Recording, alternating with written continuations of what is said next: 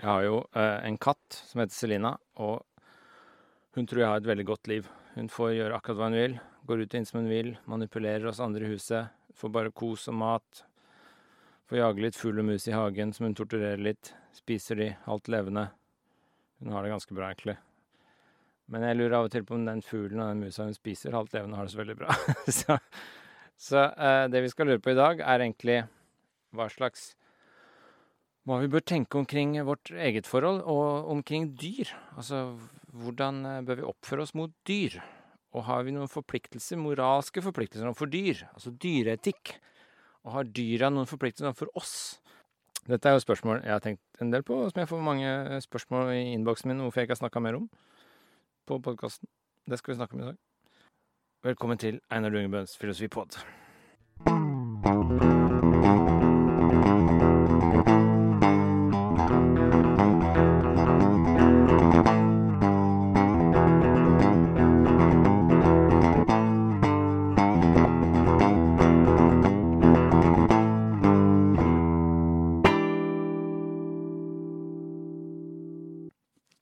I dag har jeg med meg den første Er det deltaker det heter? Den første gjesten jeg hadde, nemlig min kollega Hilde Vinje.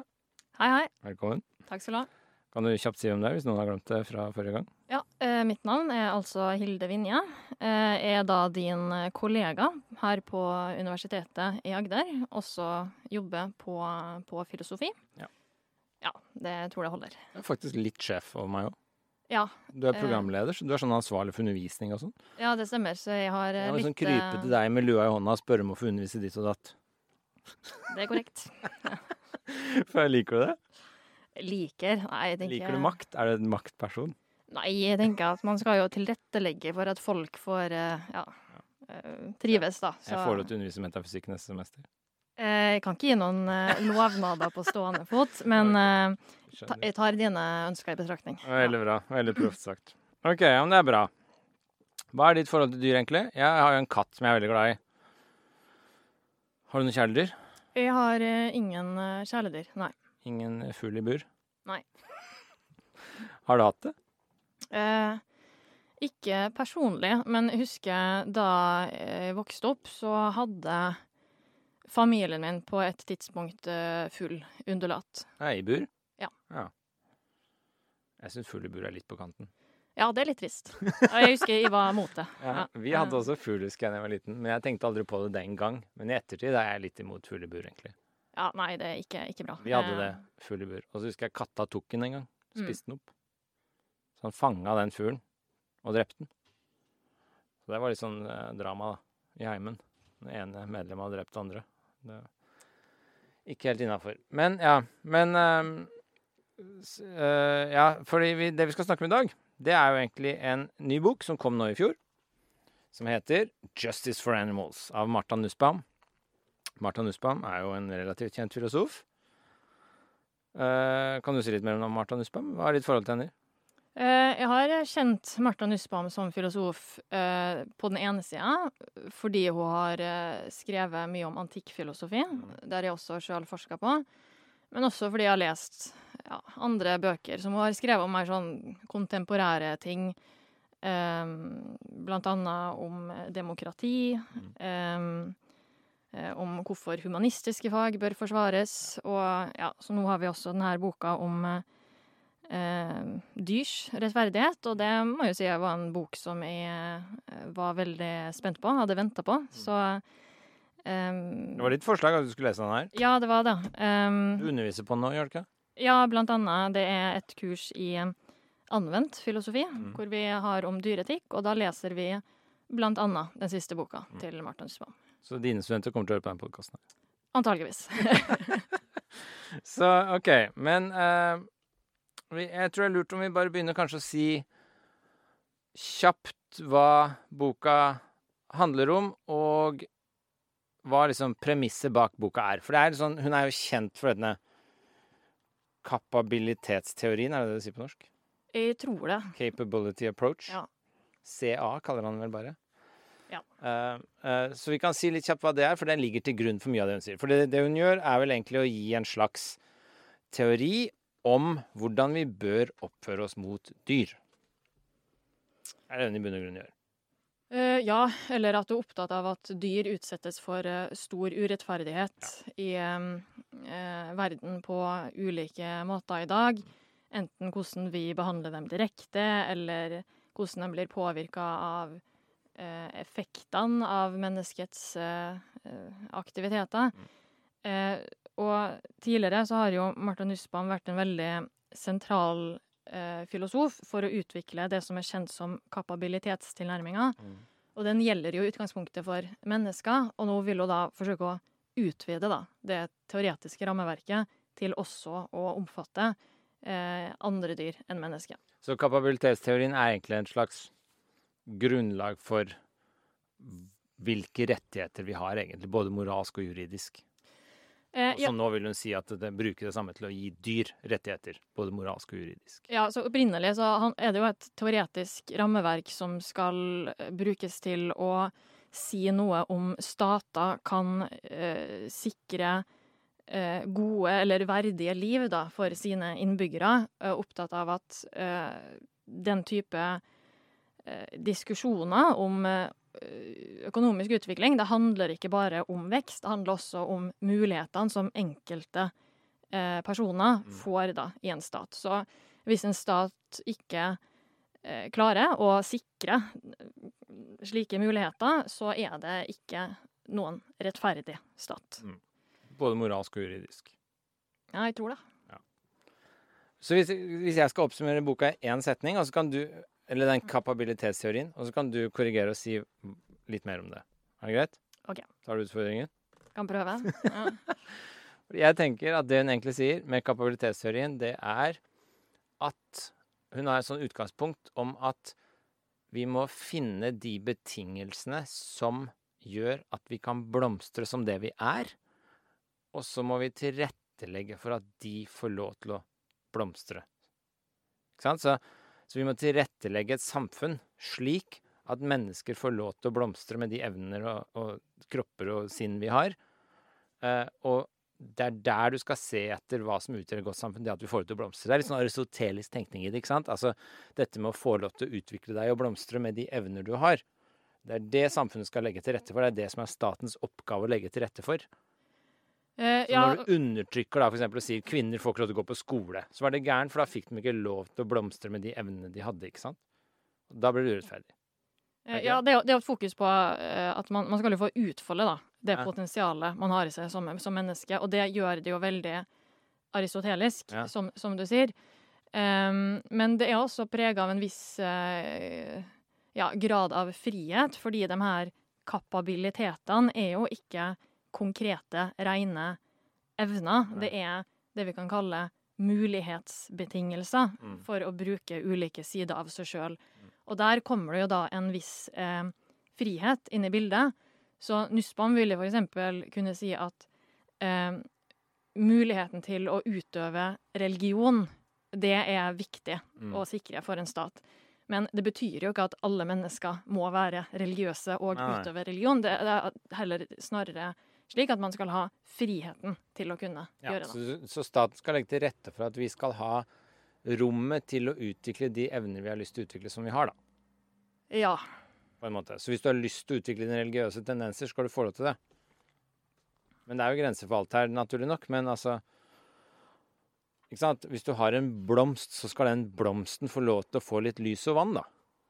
Vi Eh, må tilrettelegge for det. Vi skal ikke drukne den i vann, eller påtvinge den vann, men den må i hvert fall få ut til å drikke litt vann hvis den vil. Det er jo litt sånn, er det ikke det? Eh, For å utvikle sitt potensial og nå sitt eh, høydepunkt, så må den gjøre det. Og så blir jo spørsmålet, da, når vi kommer inn på det her eh, Martin Husbaum har en liste som da gjelder for mennesker, og så skal det her rammeverket overføres til eh, eh, dyr. Ja. Eh, og eh, det skal jo ta høyde for eh, hva slags eh, eh, levevis det dyret har fra naturens side. Det er jo ikke alt som skal være Mm. helt likt som for mennesket, så noen tilpasninger må man da gjøre. Så katta mi vi skal, Egentlig, kort sagt, så skal jeg tilrettelegge samfunnet rundt katta mi hjemme hos meg. da. Skal jeg tilrettelegge det slik at katta mi får lov til å blomstre som den katten den er, innenfor visse grenser. da. Eh, ja.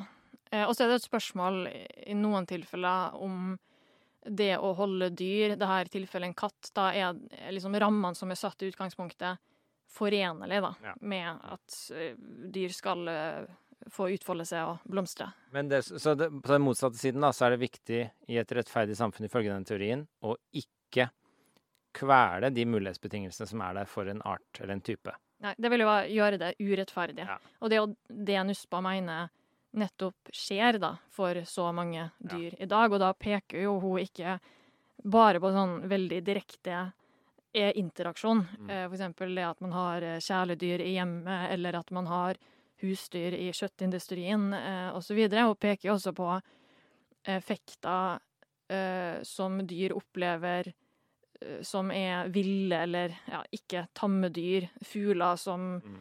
eh, utsettes for eh, lys eller lydforurensning. Eh, elefanter som mister habitat. Hvaler som eh, får forstyrra sin eh, eh, kommunikasjon av industri og oljeboring. Så det, det er ganske vidt, da. Mm. Um. Så hvis Ja. Ja, men da tror jeg jeg skjønner. Vi er enig, Det er ikke noe mer da? Det er liksom grunnlag, noen, ja. det er grunnlaget hennes for hva som utgjør et rettferdig samfunn. At vi ikke skal kvele de mulighetsspringene som er der. Vi skal ikke nødvendigvis tvinge folk til å utvikle dem, men vi skal heller ikke forby dem det. Vi skal gi dem rom og friheten til det. Friheten står sterkt her. Så hvis, hvis eksempel samfunnet sier uh, middag, en, Menn på 45 år med høy utdannelse får ikke lov til å si noe mer nå. Okay. Så legger de på en måte lokk på noen som har lyst til å si noe. ikke sant? Så da legger de lokk på de mulighetsspringene som ligger der. Det skal vi ikke gjøre. Vi skal heller la det rommet være der. Ja. ikke sant? Det er det hun sier. Og samme med katta. Hvis jeg tar fra katta dens frihet til å bevege seg, eksempel, og setter den i bur, så gjør jeg noe gærent, for jeg legger lokk på de mulighetsbetingelsene en katt har til å blomstre. Mm. Det er grunnlaget hennes Men, men nå er jeg kanskje ikke så spesifikk. Altså, det er jo liksom ikke mann med en viss utdanning på 45 år. Altså, det er menneske her, da, så det er litt mer allmennmenneskelig Ja, ja. enn Men det vil jo være galt å legge lokk på den. Ja, jeg bestrider ikke det. Men, men selvfølgelig alt med, alt Eller med måte. kvinner på 30, liksom, Ja. med høy utdanning. Ja. Jeg skal ikke spørre hva om du er, men Nei, eh, Sånn cirka. Ja. ja. Ja, ok, ja, men da er vi enige om hva den teorien For det, er, det, er liksom, det ligger i bunnen for alt hun sier her, da. Eh, liker du det her? Syns du det er en god teori, eller? Er du enig? Mm, altså, det er jo en teori som i utgangspunktet er knytta til diskusjoner om uh, ja, økonomisk vekst og liksom hvordan stater fungerer. Så det er jo ikke en sånn klassisk teori man blir kjent med når man kommer til etikk, slik som for eksempel uh, dydsetikk, pliktetikk eller utilitarisme. Så rammeverket er jo litt annerledes Mm. på noen måter. Og Men Nuspa- Hvilken etisk teori passer den best til? Jeg syns han passer best til dydsetikk. Syns du ikke? Um, ja, eller jeg veit ikke helt hvordan hun ville tenkt seg den er, den er nok mye løsere, for hun er jo opptatt av Hun kritiserer jo blant annet i løpet av boka en kantiansk filosof som heter Kristine Korsgaard, og, og skriver jo at eh, rammeverket bør være minst mulig metafysisk forpliktende, så det liksom skal ramme ulike syn da, på hva som er godt og ondt. Så sånn sett så kan det kanskje være en åpning for å akseptere ulike etiske teorier. Eh, den skal være forholdsvis inkluderende. Mm. Bare det som er et minimum nødvendig, da, skal med. Men dette er jo sånn som mange av de store filosofene har gjort. De har liksom en sånn grunnlags, grunnleggende teori, eller en teori da, som er liksom grunnlag for deres etiske tenkning. Sånn som John Rawls har denne slør av uvitenhet. Du skal fordele posisjonene uten å vite hvor du selv havner. Fordi da vil du fordele det igjen rettferdig. ikke sant? Sånn at hvis du deler opp kaka først uten å vite hvilken bit du får, så deler du mest sannsynlig opp i like biter. Uh, og det er en måte å komme frem til rettferdighet på. Mens her er det en litt annen teori. Her er det liksom sånn du skal få lov til du, Vi skal legge til rette for slik at folk kan få blomstre og realisere de evnene de har lyst til og har, og som de trenger. Eh, det er liksom grunnlaget for rettferdighet her. ikke sant? Så det er en litt sånn samme måte å tenke på, er det ikke?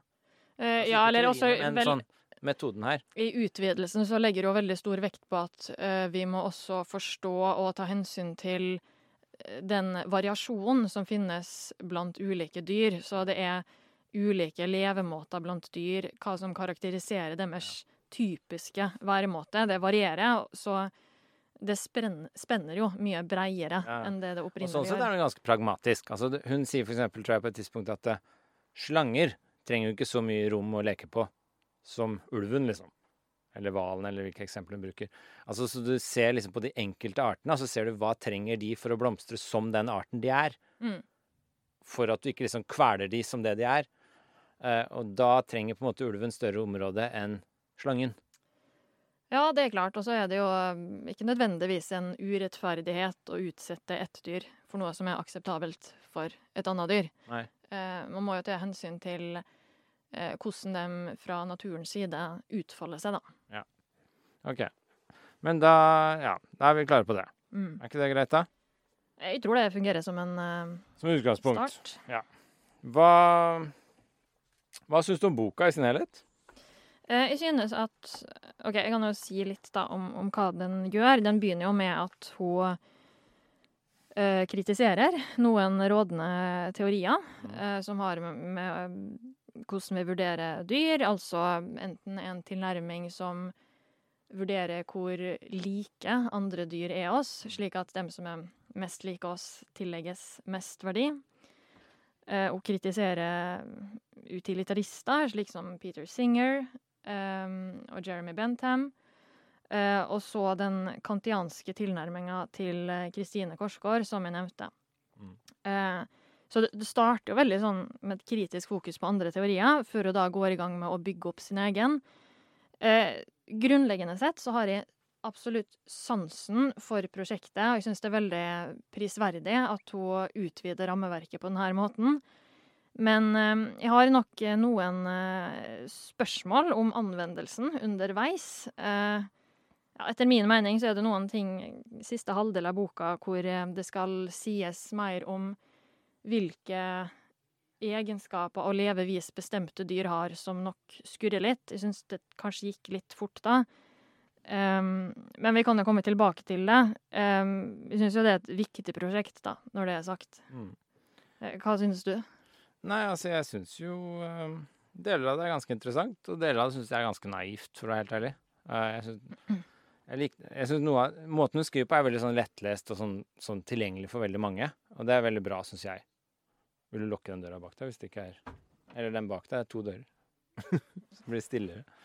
OK. Eh, Noe av det syns jeg er veldig sånn tendensiøst skrevet, da. Sånn som hun sier liksom sånn Hun snakker om animal lovers. Og så snakker hun om liksom sånn Hun håper boka motiverer deg til også å bli en animal lover. Det går, skriver hun det? Nei, på slutten av boka, i begynnelsen og midten og flere steder, snakker hun om animal lovers. Altså akkurat som du ikke er en animal lover med mindre du er enig med henne. Hun har litt sånn tendensiøst språk av og til, som jeg syns er litt irriterende. Og så syns jeg den er litt naiv når det kommer til en del ville dyr. Vi kan se på det etterpå. Eh, Men så liker jeg veldig Jeg liker jo veldig godt den derre blomstringsteorien.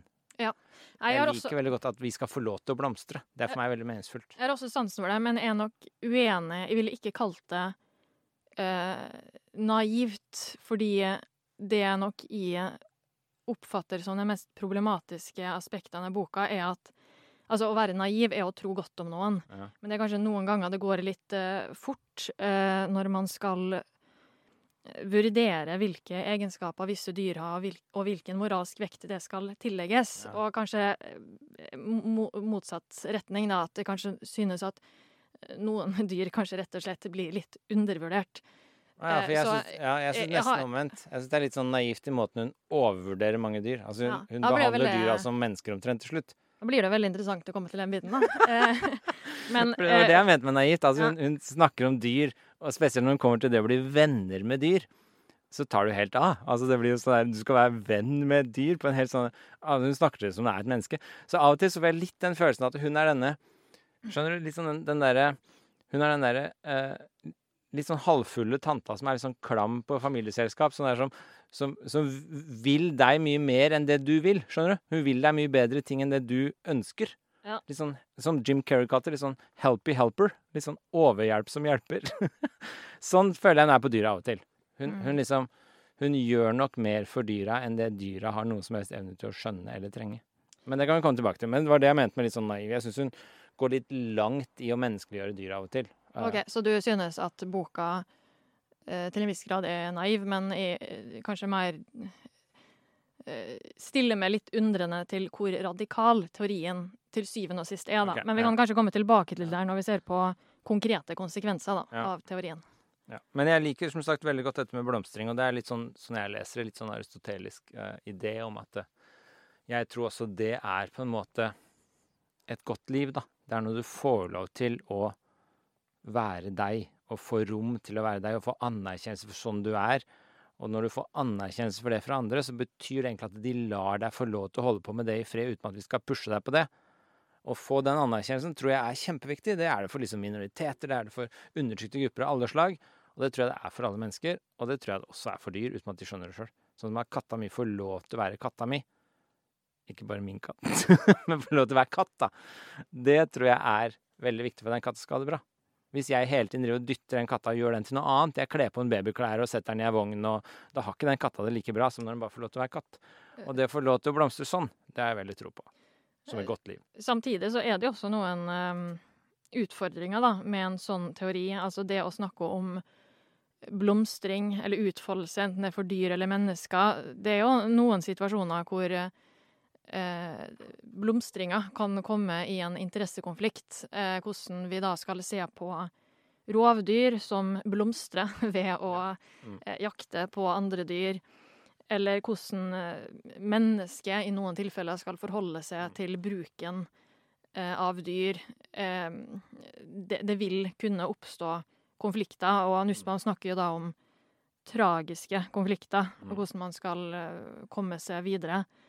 Så det er, jo, um, det er jo noen spenninger innad der også. Men det, der møter hun jo på en måte det problemet alle møter, egentlig. Bare det at jeg skal få lov til å være meg, men jeg kan ikke være meg sånn at det går utover deg. Eh, ja, men kanskje mer litt sånn Ja, artsperspektiv, så sånn liksom Den ene arten skal få blomstre, men hvis den spiser opp den andre arten, så er ikke sikkert den andre arten syns det er like stas.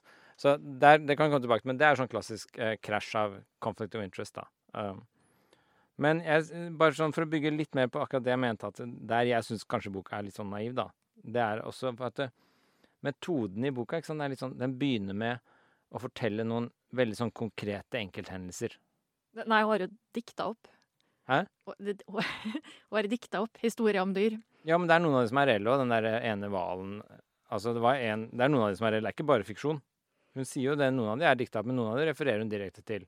Det var vel en som var eh, basert på en sann historie om eh, Var det Lupa og Remus, den to hundene? Mm.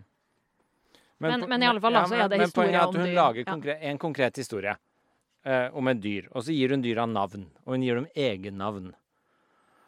Og allerede her så tenker jeg sånn, det kan være nyttig i en sånn fortelling å gi dyra egennavn og sånn, men det er ganske sånn filosofisk interessant, syns jeg, da, om i hvilken grad man skal tenke Og dette er et ganske sånn overordna filosofisk spørsmål som jeg sliter med i denne boka her. Det er sånn i hvilken grad skal vi tenke om dyr på individnivå versus artsnivå?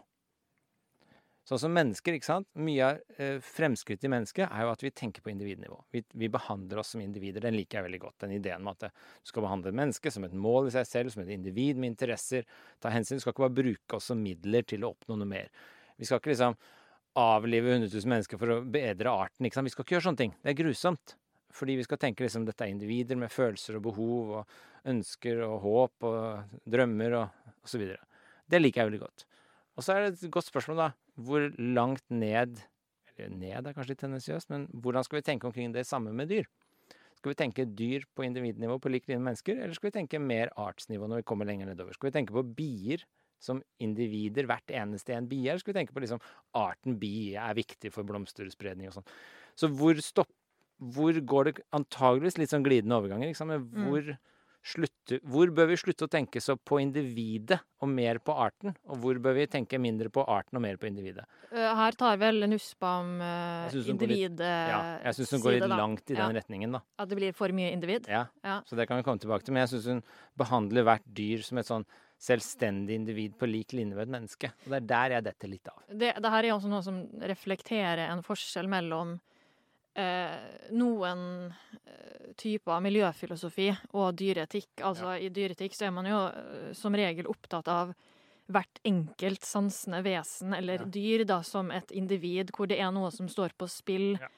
Eh, mens det er jo noen teorier innenfor eh, miljøfilosofi at man heller vil tilskrive eh, eksistensen av en art en egen eller en selvstendig verdi. Det at visse arter bevares og ikke utryddes. Eh, eller at f.eks. et økosystem skal bevares på bekostning av noen individer. Da. Så det er jo en kanskje sånn bakteppe da, hvor man må plassere seg Og det er her jeg tenker at du må liksom, terrenget. Ja, og du må gjøre litt begge deler, selvfølgelig, men det er her jeg tenker at hun glemmer det derre arts, helhetssystem, økologi, blikket, da.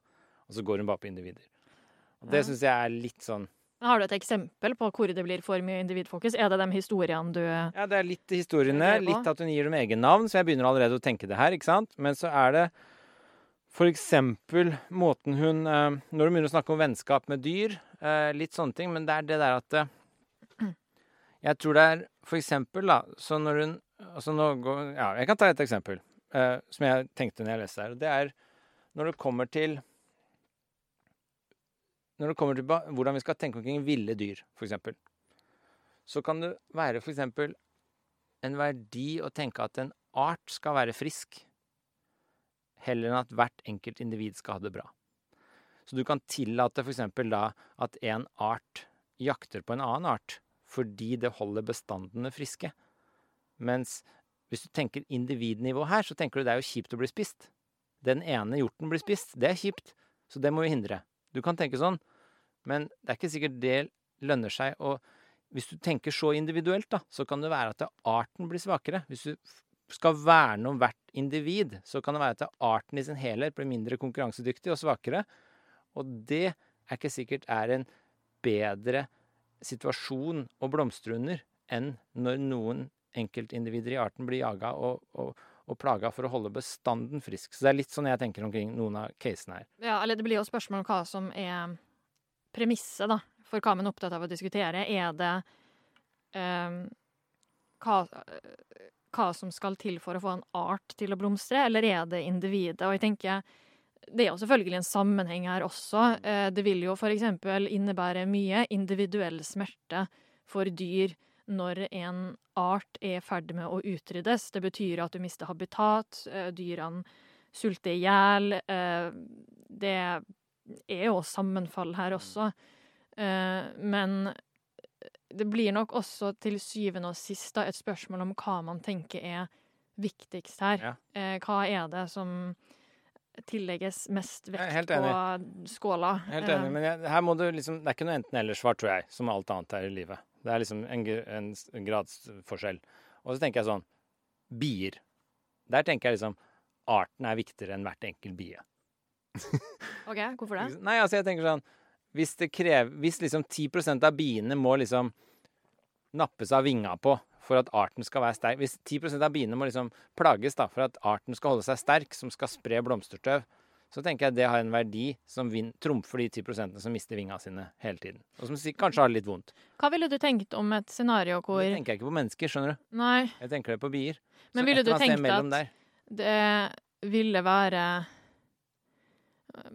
Man kan jo f.eks. stille seg det her spørsmålet da, når det kommer til bevaring av utrydningstrua arter, eh, og under hvilke betingelser dyr skal da bevares. Ja. Og hvis man ser for seg et scenario at vi har en utrydningstrua art, men de få individene lever miserable liv, Mm. da er spørsmålet er det verdt det.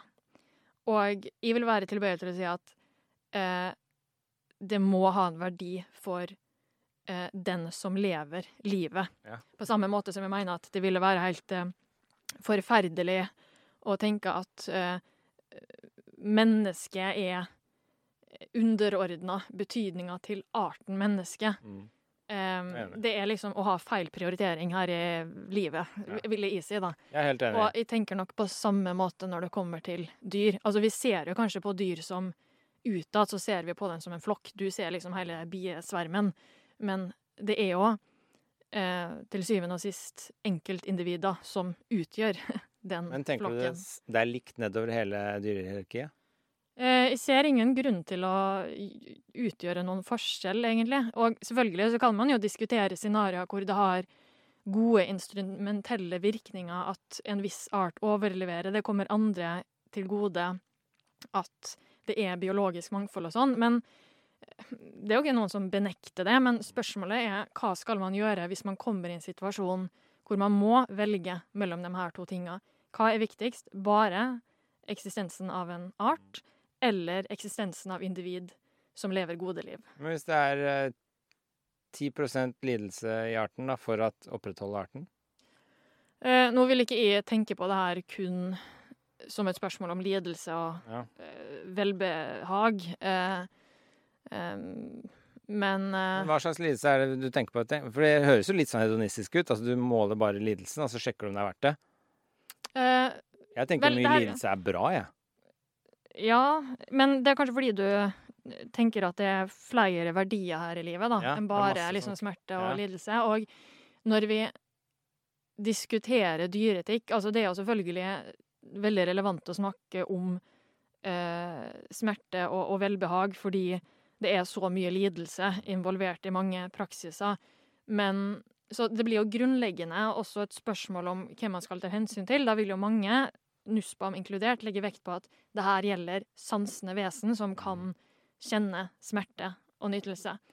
Men det betyr jo at det er det eneste livet som betyr noe. Og eh, NUSPAM legger jo kanskje også derfor vekt mye på vennskap. Det har en egenverdi. Det har en mye større variasjon, den livsutfoldelsen vi ser i dyr. Og bare snakke om det som eh, smerte og nytelse blir for reduktivt, da. Ja, det er enig. Så, så der tror jeg egentlig vi alle er enige eh, med tilnærminga i boka. Men altså Jeg vet jo fra før at Eller la meg begynne på en annen måte. Hva tenker du om kuer? Eh, på hvilken måte da? altså dyrehold. Det er masse bondegårder som har kuer Mm. som mjølkes. Og de holdes egentlig på gården bare for å gi melk. Ja. Eh, nei, jeg ville ikke Altså En ku ville jo ikke overlevd under naturlige betingelser, da. Det er poenget mitt. mm. Så, men de er i Tenker du pr praksisen å utnytte Nei, jeg, er, jeg tror alle er enige Eller jeg, jeg håper at veldig mange er egentlig enige i at det å bare kynisk utnytte noen og ha de i bås for å skvise mest mulig mjølk ut av de, er ganske sånn umoralsk.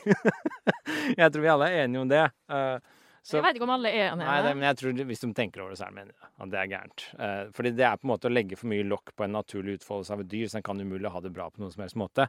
Her er jo Nussbaum helt rett, ikke sant. Altså det, det må ha et visst utfoldingsrom for at du skal ha et bra liv. Og hvis det er Det er jo ikke riktig å ha noen dyr i liksom fangenskap som hindrer en relativt minimum naturlig livsutfoldelse. Eh, Det er liksom som å Det er som å ha slaver, da. Det er bare galt, liksom. For det, er moralsk galt på alle måter. Så det tror jeg vi er enige om. I hvert fall alle i rommet her er enige om det. Men poenget mitt er at eh, kua, hvis vi liksom sa OK, frigjør alle kuene, da, så hadde de jo daua i hopetall. De er jo ikke naturlig utvikla til å klare seg på egen hånd. Nei. Så tenker du det her til Hva skal vi gjøre med kuene? Hilde Vinje. Hva skal vi gjøre med kuene våre? Skal vi Eh, slippe de løs og la de dø, eller skal vi ta livet av dem, eller skal vi Hva skal vi gjøre med kuene våre? man må jo ikke fortsette å reprodusere dem, da. Altså Altså, du syns arten kan dø ut? eh, Det er det du vil at jeg skal si? Jeg vil du La- skal si la- hva vi- du ok, kan- mener om for å få sette på spissen, da. Det jeg mener. Et annet eksempel, da. Fordi det her med kyr Vi kan komme tilbake. Vi kan Ja. først snakke om liksom Er det moralsk akseptabelt å bruke eh, husdyr som Ja. ku, sau eh, osv. Men se for deg en hunderase, da. Mm. Vi har jo flere hunderaser som er De er jo fremavla til å ha veldig markante kjennetegn, fordi man eh, syns det er tiltalende med ja. altså, yndig utseende. Liksom, Det er noen bikkjer som avler fram med store øyer for å være søte, som gjør at de får problemer med hodeskallen. Ja, eller litt sånn Ja. flatt ansikt. Ja. eh, Det er knytta til mange sykdommer. Og jeg tenker at der er det ganske klart, da, at uh, det har ingen egenverdi å liksom holde fast ved at jo, det skal være den type hun skal eksistere, fordi det vil være et tap for verden. Ja. Nei, bare for at vi skal synes de er litt søte. Eh, Det som er liksom godt, er liksom vil, Det her er en sånn tilnærming som også Kristine Korsgaard har, at, det vil alltid være godt for noen, da. Det er litt sånn meningsløst å løsrive det Mm. fra folk som Eller sansende vesen i det hele tatt, og det vil si at jeg er helt enig. Ja. Så individet stiller fremst fordi det er å snakke om eh, livet til dem som er av denne arten. Ja, men altså, nå begynner det å bli interessant her. Fordi nå, Vi kan dele opp i noen kategorier her. Du har liksom På den ene siden har du husdyr. Mm. Altså, eh, vent litt. På den ene siden har du kjæledyr, som vi har hjemme. Katter, bikkjer, hest kanskje for noen. Altså du har liksom kjæledyr som bare er der for vår litt sånn glede, uten at det skal brukes til noe spesielt. De skal ikke liksom avles frem for melk eller kjøtt, eller de bare er der for kos og hygge. Og så har du husdyr, som er der for et eller annet formål. De skal avle frem kjøtt, melk, de skal gi mat. Ikke sant? Så de brukes til Uh, uh, De er i fangenskap, de òg. Ja, det er produksjonsdyr. Det er produksjonsdyr. Og så har du ville dyr, som er noe litt annet. Som er fri, De løper fritt rundt, ikke sant. Og så har du noen andre tilfeller, sånn dyrehagedyr og litt sånne ting. Men Hva er dyrehagedyr? nei, altså dyr du bare har i dyrehagen. Sånn som sjimpansen i Kristiansand har jo vært der hele livet, i to generasjoner nå. Uh, ja, så da er kategoriserer ikke- du litt sånn ut ifra situasjonen. Ja, altså de er jo ikke produksjonsdyr. Men de er jo ikke kjæledyr. Ja, det er underholdningsdyr. Det er en litt annen art type, da. Ja. Og så har du kanskje noen dyr som ligger i en litt sånn uh, mellomposisjon. Eh, I større byer så har du kanskje ville dyr som trekker inn Se for deg å ha liksom rev som liksom Ja. eh, snuser rundt Ja, Kjelsås løper rundt i hagene der. Ja. Ja. Mm. Um, ja, så det har liksom litt forskjellige kategorier. Men vi kan jo tenke oss at vi kanskje må forholde oss litt forskjellig til disse tingene. Altså du forholder deg litt annerledes til en vill bjørn enn til katta mi. Uh, og kanskje har vi litt forskjellige forpliktelser til, når det gjelder å la de blomstre som det de er òg, ikke sant. Så kua, for eksempel, da, som er produksjonsdyr, hvordan skal vi gi rettferdighet for kua? Ligger rettferdigheten der i å la arten dø ut på en eller annen måte, ved ikke la den reprodusere seg, eller ligger den i at vi avliver de i flokk, eller ligger den i at vi slipper de løs og lar de dø naturlig? Ikke sant? Altså, hvordan skal vi la disse artene som fins, blomstre? Ja, men da må vi jo først se på livet de lever per nå, da, Mm. i den industrien som produksjonsdyr, og liksom synes... se på hvordan reflekterer det deres det vi kan si karakteristiske levevis, og har de liksom forutsetninger for å utfolde seg. Mm. Det er jo eksempel noen dyr som um, Ja, nettopp fordi det er produksjonsdyr, man avler frem dyr som gir mest mulig kjøtt, men det gir jo ikke nødvendigvis eh, god helse for det dyret. Ja, da ser jeg ingen nødvend liksom ønske, da, eller verdi i å liksom si ja, vi må for eksempel eh, verne om den her kyllingrasen, fordi eh, ellers så ville den forsvinne fra verden. Det har ingen verdi for en kylling å leve et miserabelt liv hvis anatomien din er avla frem til å Ja, du får ikke utfolde det på noen god måte, da. Men bør du da begynne å tilrettelegge for at de skal få utfolde seg og utvikle seg en god måte, eller bør vi bare la de dø ut? Tenker du på de individene som finnes her og nå? Ja, La oss si hvis vi Alle liksom de som er her nå? Ja. Ja. Det synes jeg er litt vanskelig, da. Nei, det blir jo en slags overgangsfase, da. Men jeg tenker jo at eh, Prøve å gjøre det. Man må kanskje se det litt an, tenker jeg. Ja. Eh, Jeg ikke jeg, jeg tror vi er helt enige, ikke sant, at det, mye som produksjonsdyr har det fælt. Og at det er ganske dårlig gjort. Mm. Umoralsk. Griser som sitter på altfor trange binger, høner som er i altfor trange områder, ku som ikke får gå fritt. ikke sant? Altså Mye sånne ting som blir gærent.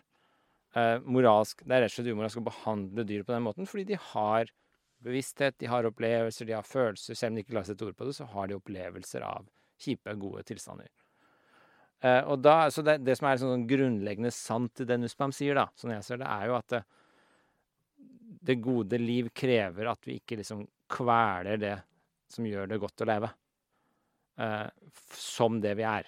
Det er veldig grunnleggende. Og da tenker jeg sånn Da er det noen kategorier vi kan forholde oss ganske systematisk til. Det er sånn kjæledyr, husdyr, ville dyr. Hvis vi forholder oss til de tre kategoriene, så kan vi tenke sånn Hva burde skje? For jeg syns Nussbaum er litt ullen på det her. Mm. Men, hun men hun sier liksom jo ikke så mye om hun, hun nevner jo sånn factory farming, altså det vi kan kalle industrielt husdyrhold. Og hun sier jo rett ut at det her vil de fleste moralske, sensitive menneskene avvise. Men hun går jo ikke inn dypt i den materien. Og hvis man eksempel har lest eh, Peter Singers eh, 'Dyrenes frigjøring', som jo er veldig kjent, så får man jo veldig lange og grundige beskrivelser av hva slags type liv det vil innebære for eh, produksjonsdyr. Men det gir ikke Martha Nussbaum. Hun, hun fokuserer jo eh, i sine case på andre typer dyr. Det er jo særlig eh, kjæledyr. Hun nevner kanskje noe sånn Har noen refleksjoner om eh, fisk Mm. og sau.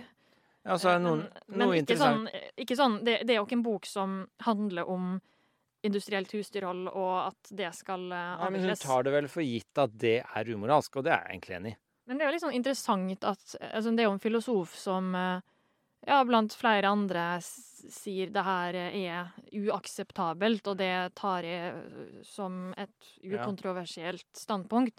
Men det er jo en helt enorm industri. De aller fleste um, er jo delaktige Mm. eh, i den forstand at man, man kjøper jo og spiser jo de produktene som industrien leverer. Så, så det å liksom Kanskje det ikke er filosofisk eh, ukontroversielt i de eh, fagkretsene hun frekventerer, men i praksis så krasjer jo det her med hvordan verden fungerer. Nei, for jeg, ja, jeg bare tenker at hun er liksom helt rett. Eller det er jo bare helt sant at mye sånn, spesielt av det, mye sånn produksjonsdyr i USA har det mye verre enn i Norge òg. Det er også en veldig interessant tanke at det er mye bedre her. Vi har verdens det er- fineste melk, eksempel, og vi har eh, liksom dyr som gresser på en sånn harmonisk måte. Og eh, jeg syns det kan bidra til å liksom dekke over det som kanskje er likevel Det er prinsipielt problematisk, men det er jo heller ikke sånn nødvendigvis et idyllisk Nei, liv. nei, jeg er enig i det, men altså, jeg tror det er viktig å ikke glemme gradsforskjellen her. Altså, hvis du besøker en storfarm i, med, ku i USA, så er det ikke sånn at de har fritt områder å gå på. Mens ku i Norge har jo lovpålagt å f.eks. gå fritt i et visst areal, at de går ute. De står ikke i bås lenger, sånn de gjorde da jeg var barn. Mm, de har det i noen eh, deler er av året, men Det er forbudt å ha dem i sånn bås i Norge i dag. Altså, de må ha frittgående, og i dag så går de jo inn og De har et visst område de går i binger og sånn, så det er, det er, det er Jeg sier ikke at det er bra liv, jeg bare sier at det er en forbedring fra liksom mange andre steder. Det er en gradsforskjell i hvor fælt de har det, og mitt poeng er bare sånn Går det an å gjøre Går det an å kombinere, da? Så la meg beskrive et drømmescenario for meg, så kan du si hva du syns.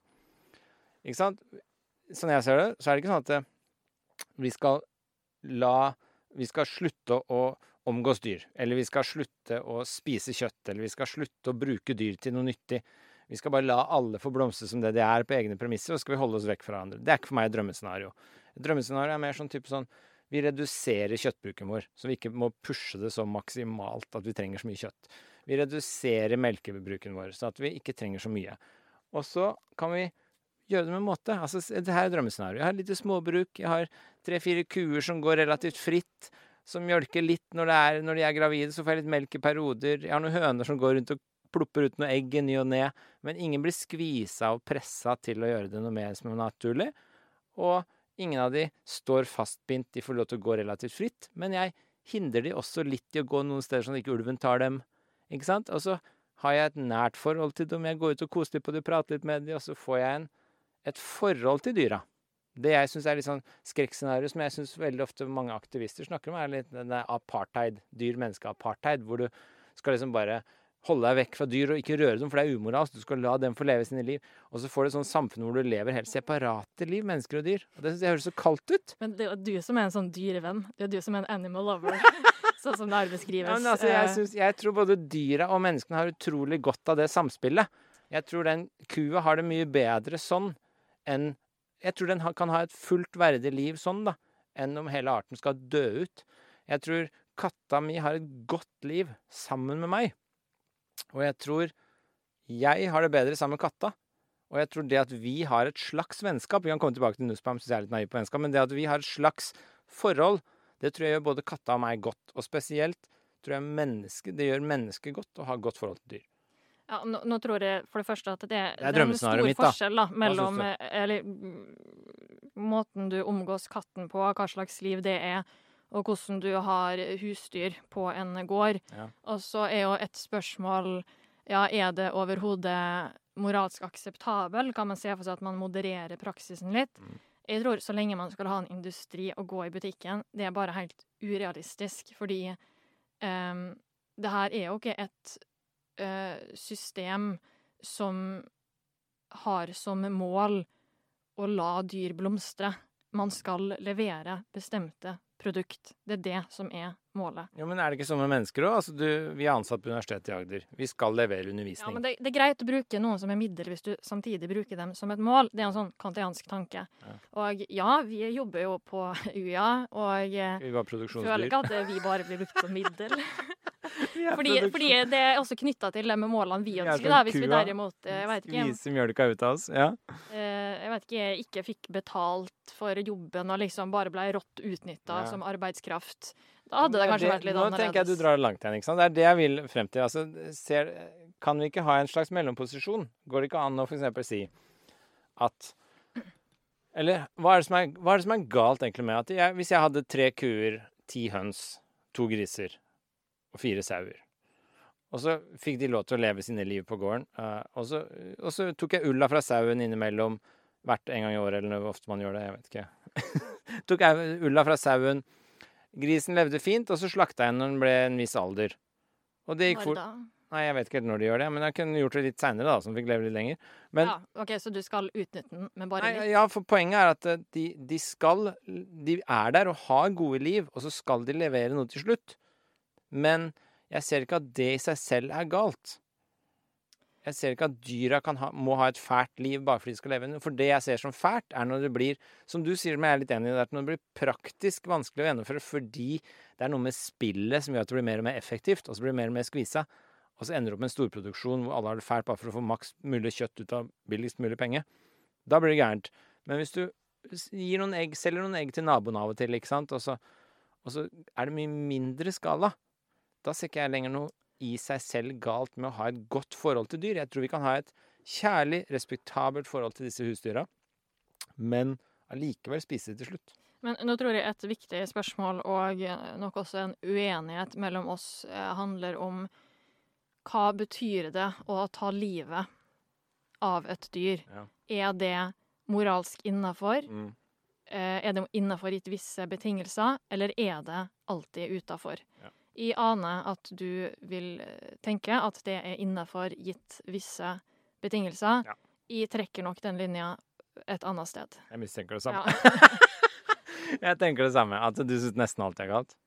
Eh, ja, jeg vil jo si at det å ta livet av noen, det er å ta fra dem alt de har. Du tar fra dem eksistensen. Slår, det slår du ikke i hjel myggen når du setter seg på armen din? Ja, men det er jo et spørsmål om eh, Det er jo Det er jo ikke slik at de er altruist. De går ikke ut i verden og liksom ofrer meg. Hvis en mygg eh, kommer, så knipser jeg den bort eller klasker til den. Det er ikke det det dytter den forsiktig ja. Eh, av armen, litt sånn forsiktig. Det er jo sånn, Hvis jeg også skulle gått deg. ut i naturen og liksom blitt eh, Ja. angrepet av et dyr Jeg ville liksom ikke stått der og tenkt ja ja, for å la det stå til. Det er jo ikke Nei, sånn. men altså, altså, man forsvarer jo seg sjøl også, da. Ja, ja. Um, Men altså, men uh, syns du ikke at vi skal Altså, hva syns du om det scenarioet tegna opp vårt forhold til dyr, da? For poenget mitt er at jeg tror det kan være Det er mange verdier i spill. Og jeg tenker at det er en ganske sånn Jeg tror det er en, både menneskelige og dyreverdier Altså, det blir et varmere samfunn av å ha et godt forhold til dyr enn det blir av å ha et sånn atskilt forhold til dyr. Så for meg er ikke spørsmålet om hvordan vi skal kunne la dyra få være seg selv mest mulig. Spørsmålet er heller hvordan skal vi få et godt forhold til dyr, sånn at alle har det bra? Uh, ja, altså det blir jo spørsmålet hva- er det det her samholdet i den utopien du forestiller deg tilføyer, da? Ja. Jeg tror nok at OK, du høres ut som en som vil dyr godt, en slags dyrevenn. Hvis jeg skal sammenligne meg sjøl, så vil jeg nok si at jeg kanskje er hakket mer desinteressert dyrevenn. Jeg er kanskje ikke så opptatt av å Eller jeg veit ikke, det kommer til liksom produksjonsdyr og liksom Det virker som du tenker at du skal bo på denne gården. Altså, jeg jeg tror, jeg det er jo ikke sånn det ville fungert i Jeg praksis. gir kuene mine navn og klapper de på Kose på de når jeg går bort til de og Ja, for all del. Men, men det er også noe med det Det er et mer grunnleggende spørsmål her som kommer før spørsmål om samhold og navn. Eh, eh, hva, hva betyr det å utnytte et annet levende vesen? Eh, hva betyr det å ivareta det? Eh, jeg ser jo for meg at eh, man kan noen tilfeller la dyr eh, eh, jobbe for seg. Du kan f.eks. ha en førerhund. Mm. Um, Den kan også leve et fint liv, men jeg stiller meg nok litt um, mer skeptisk til tanken om produksjonsdyr. Men det er interessant. altså Hva er det som gjør at en førerhund egentlig har et bedre liv enn en, en, en høne på en gård? Mm, kommer an på hva du gjør med høna, da. Eh, tar du rundt. dens, tar du livet av den? Nei, altså Den plopper ut noen egg som jeg spiser i ny og ne, og så når den har levd lenge nok, så knerter hun og spiser den. Mm, Mm, men hva er det du da Jeg tenker den høna har jo egentlig ganske godt liv. Den får lov til å verpe litt egg når den sjøl vil, og så, og så lever den relativt fritt og går rundt og klukker og garder og sånn, og så Nei, det er hanen som garder, kanskje. Og så går den litt rundt og klukker og sånn, og så lever den godt liv, og så klapper jeg litt på den og prater litt med den, og så Og så når den har levd en litt stund, så tar vi livet av den og spiser den. Og da har den jo både vært nyttig, den har hatt et godt liv når den har levd, mens en førhund virker jo mer som en slave, gjør det ikke det? Eh, det kommer an på, da. Men eh, med tanke på den her eh, høna, så ville jo da sagt at det du gjør mot slutten, å ta livet av den, det er Det utviser ingen respekt for den hønas egenverdi. Ja, så det er Og all det- den tid, hvis, og hvis det hadde vært nødvendig, hvis det var den eneste muligheten du hadde til å få i det noe næring, så hadde situasjonen vært en annen. Men når det ikke er nødvendig, så er det en helt annen situasjon. Skjønner. Så det er der du trekker grensa, egentlig. Altså det, det skal Altså, hver enkelt dyr har en egenverdi som det å ta liv alltid er galt for, nesten. Eh, ja, jeg vil jo si at livet er jo det mest grunnleggende, viktigste man har, da. Mister du det, så er det ingenting annet lenger som er Det er jo for så vidt vanskelig å være uenig i.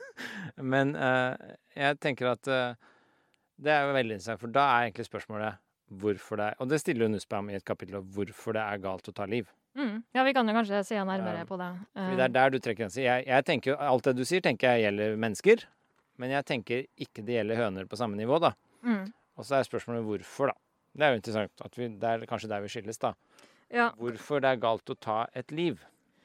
Eh, men er det da slik at Fordi Nussbaum eh, skriver jo sjøl at eh, døden eh, det, jo, det representerer jo et onde i ulik grad for ulike dyr, og her må vi da se på hva slags eh, eh, egenskaper eller tidsorientering eh, det enkelte dyret har.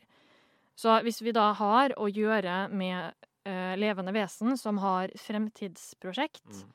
eh, som er veldig orientert mot hva de skal gjøre om jeg vet ikke, fem år, ti år, eh, slik som mennesket er, da er det et mye større overgrep og et større onde å dø, Mm. sammenligna med et dyr som i teorien da ikke har noen sånn framtidsorientering, og lever bare i- lever i nuet. Ja. Ja. Så det, det er jo litt sånn teori om hva som er ondt med det med døden, da. Det at den tar fra deg og kveler planene dine, eh, tar fra deg mulighetene, det du skal gjennomføre. Den cut short, så å si, Ja. på godt norsk. Mm. Det som skulle gjennomføres. Uh, og hvis du bare lever i nuet, så har du ikke noen planer, så det er ikke noe du cut short, egentlig. På samme måte. Men så kan man si da at høna er ikke klar over det, eller har ikke noen intensjon om noen langtidsplaner om hva han skal gjøre med fremover, men høna har en faktisk mulighet til å leve lenger. Det er den du mener er galt å ta fra han. Jeg vil vel også si at uh, jeg tror ikke at ei høne kun lever i nuet. Um, og jeg tror heller ikke Nussbaum vil si det. Hun klassifiserer jo fugler som en av de eh, dyrene som, som har en form for fremtidsorientering. Hun snakker vel også om eh, eh, Ja, hvis vi skal snakke om produksjonsdyr. uh, gris, Mm. eh, kuer. Hun snakker også om hund, katt, hest. Gnagere, nevner hun. Marine dyr. Jeg vet ikke om det er hvaler eller noe sånt. Ja, nei, Hun har en ganske interessant greie med delfiner også. Ja. Altså At de faktisk kan ha det litt godt med å bli trent opp i til underholdning. Eh, ja, eller det var vel litt blomstre litt når de får lov til å trene. Ja. Um, um, og, ja. en artig men, men i alle fall, alle de her dyrene, det er noen som har en fremtidsorientering.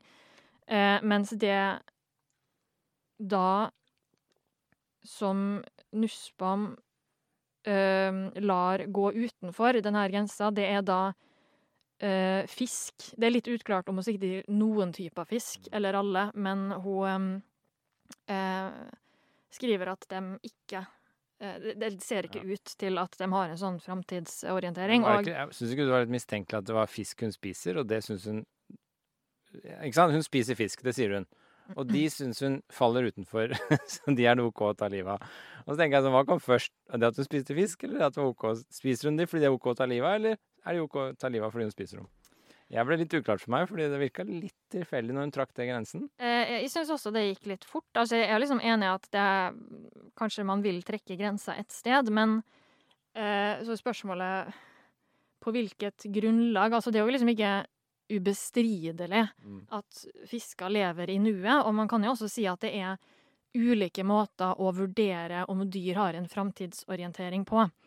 Eh, vi mennesker er jo veldig enkle å forstå, for det er vår egen art, og vi kan se for oss at det er mye et menneske gjør som dokumenterer framtidsønsker. Men hvis vi ser på andre dyr, så er det kanskje ikke så lett å, Mm. å kartlegge. Men eh, da blir det jo et spørsmål hva skal kriteriet være? Skal det være noen som liksom formulerer noe i et språk vi kan forstå? Eh, hva slags type framtidsplaner skal de ha? Eh, et trekk ved veldig mange dyr, hvis vi ser på hvordan dyr lever, det er at de er opptatt av å eh, få barn, avle dem opp og sanke mat. Mm. Og jeg tenker jo det å eh, strekke seg etter reproduksjon, da, eh, kan det utvise da, en form for framtidsorientering. Hvis du har et dyr med en liten unge, så ligger det i kortet at de har en framtidsorientering, Ja. vil, vil jeg si. da. Og, og nå er vel ikke fisk et dyr som eh, eh, De svømmer jo ikke rundt med barna sine. Legg ved legg. altså, Nei, men, men se, se, for deg, ikke, se for deg en laks da, som gyter og liksom hopper opp elva. Lever den bare i nuet, eller har den liksom Nei, men det er, syns- Dette er ganske interessant, for jeg syns egentlig at uh, hun er litt naiv her. Jeg tror det. Dette er jo delvis et empirisk spørsmål, selvfølgelig, som er vanskelig å sjekke. eh, hvor, om faktisk dyra har framtidsplaner eller ikke. Men det er jo veldig vanskelig å skille da, mellom en fugl som skal bygge et rede. Ikke sant? Så, så begynner han å bygge et rede på våren. Så er det sånn, OK, nå har denne framtidsutsikter. Det er kjipt av meg å ta livet av den før den får ferdig det redet nå, spesielt med tanke på at den skal føde og sånn. Og så legge egg. Legge Ja. egg. ja, føde egg. og så er da spørsmålet Det er veldig vanskelig da å skille mellom den fuglen I hvilken grad den gjør dette her nå bare på instinkt. Den driver og bygger noe fordi den er trent opp til å gjøre det Mm. gang på gang. Det er sånn den avla fram. Uh, og i hvilken grad den faktisk har en plan med det den gjør, annet enn at den bare gjør det litt sånn operativt. Det er noe forskning på f.eks. Var det maur eller bier som de de la noe inn, og så tok de det ut, og så bare gikk den og la det inn igjen en gang til, og så gjentok det seg. Den, hadde ikke noe, den skjønte ikke at den skulle forandre noen måter. Den hadde egentlig ingen plan. Det var bare ren instinkt. Mm. Det er noen sånne forskningseksperimenter på lavere nivå som er ganske sånn interessante. Og så er spørsmålet hvor i dyreriket forandrer det her. Jeg tror hvis du kommer opp på sjimpansenivå, så er det ganske mye mer likt oss enn når du kommer ned på bienivå. Tenker jeg er veldig naturlig å tenke. Og da er spørsmålet liksom Det er vanskelig å skille akkurat hvor den grensa går, og hvilke dyr som har det og sånn.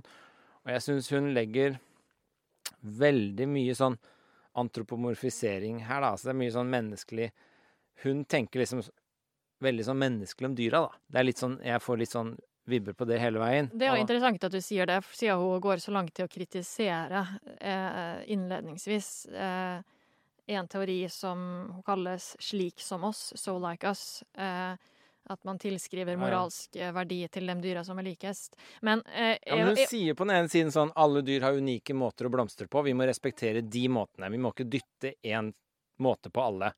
Det sier hun veldig klart. Men på den andre siden så er det sånn Hun snakker om dyra som om de har liksom framtidsplaner og, og, og, og, føler veldig som vi føler. Hun legger veldig sånn den der, det er ikke, For å si det på en annen måte, det er ikke sikkert dyra trenger akkurat den blomstringen som hun snakker om, som vi mennesker liker så godt.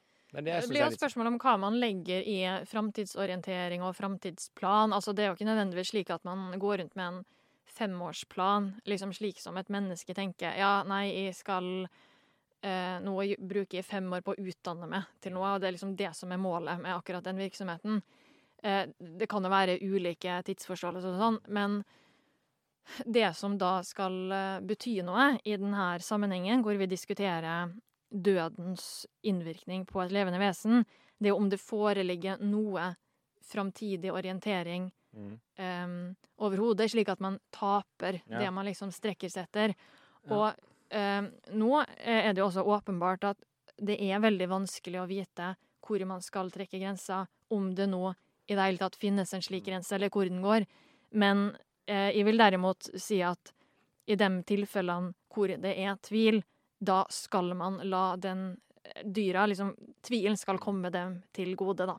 Ja. Så jeg syns nok at det går litt okay. raskt med Ja, plutselig så var det mm, uten noen videre diskusjoner slik at det var uproblematisk å eh, stenge fisk da, ut ifra det her moralske fellesskapet som de andre dyra er med i. Ja. Det er åpenbart at hun eh, stengte fisk ute bare fordi hun liker fisk. Det er jo Jeg skal ikke tilskrive liksom Men- eh, Tilbake til høna mi.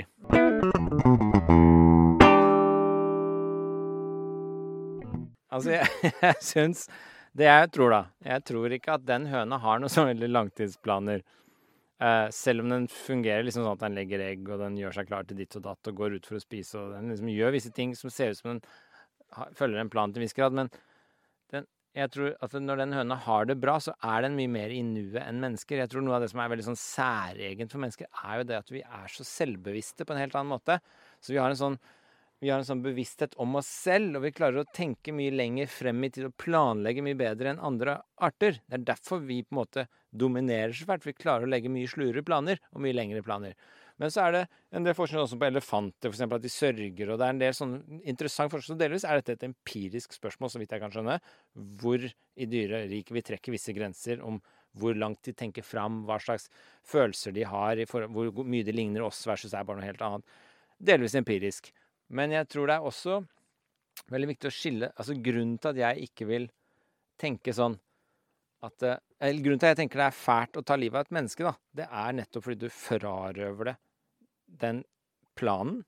Eh, muligheten til å realisere en plan, muligheten til å realisere ønsker og behov, men også det at du på Det også vite Eller det det, det er mye verre hvis du tenker på sånn Hvis du skal hvis du skal ta livet av et menneske, og så forteller du det at du skal ta livet av det, så er det mye verre for det mennesket enn hvis du skal ta livet av et dyr. For jeg tror ikke det skjønner i like stor grad hva som foregår. Men det kan jo slå uh, Derfor tenker jeg det er verre med eh, verre den andre veien også, da, hvis du skal tilskrive så moralsk vekt til om man skjønner hva som skjer framover. Du kan ikke si til et dyr um, Du kan ikke forklare med språk nå utsettes du for noe vondt fordi det er eh, noe som til syvende og sist skal gjøre det godt. Så da kan man jo se for seg at det motsatte scenarioet. La oss si at du skal hjelpe et dyr som du ikke kan kommunisere med, som har en skade, eh, og må få det til dyrelegen eller en behandling. Mm. Gjør noe kjipt mot dyret, og det har da kanskje ikke forutsetninger for å skjønne det her kommer til å gå over. Og da vil jo det være mye verre å ikke ha den framtidsutsikta, da. Så det kan slå begge veier. Mm. Også det som er farlig med det jeg prøvde å forfekte akkurat nå, er jo også at eh, du kan begynne å tenke på liksom, ja, spedbarn, da.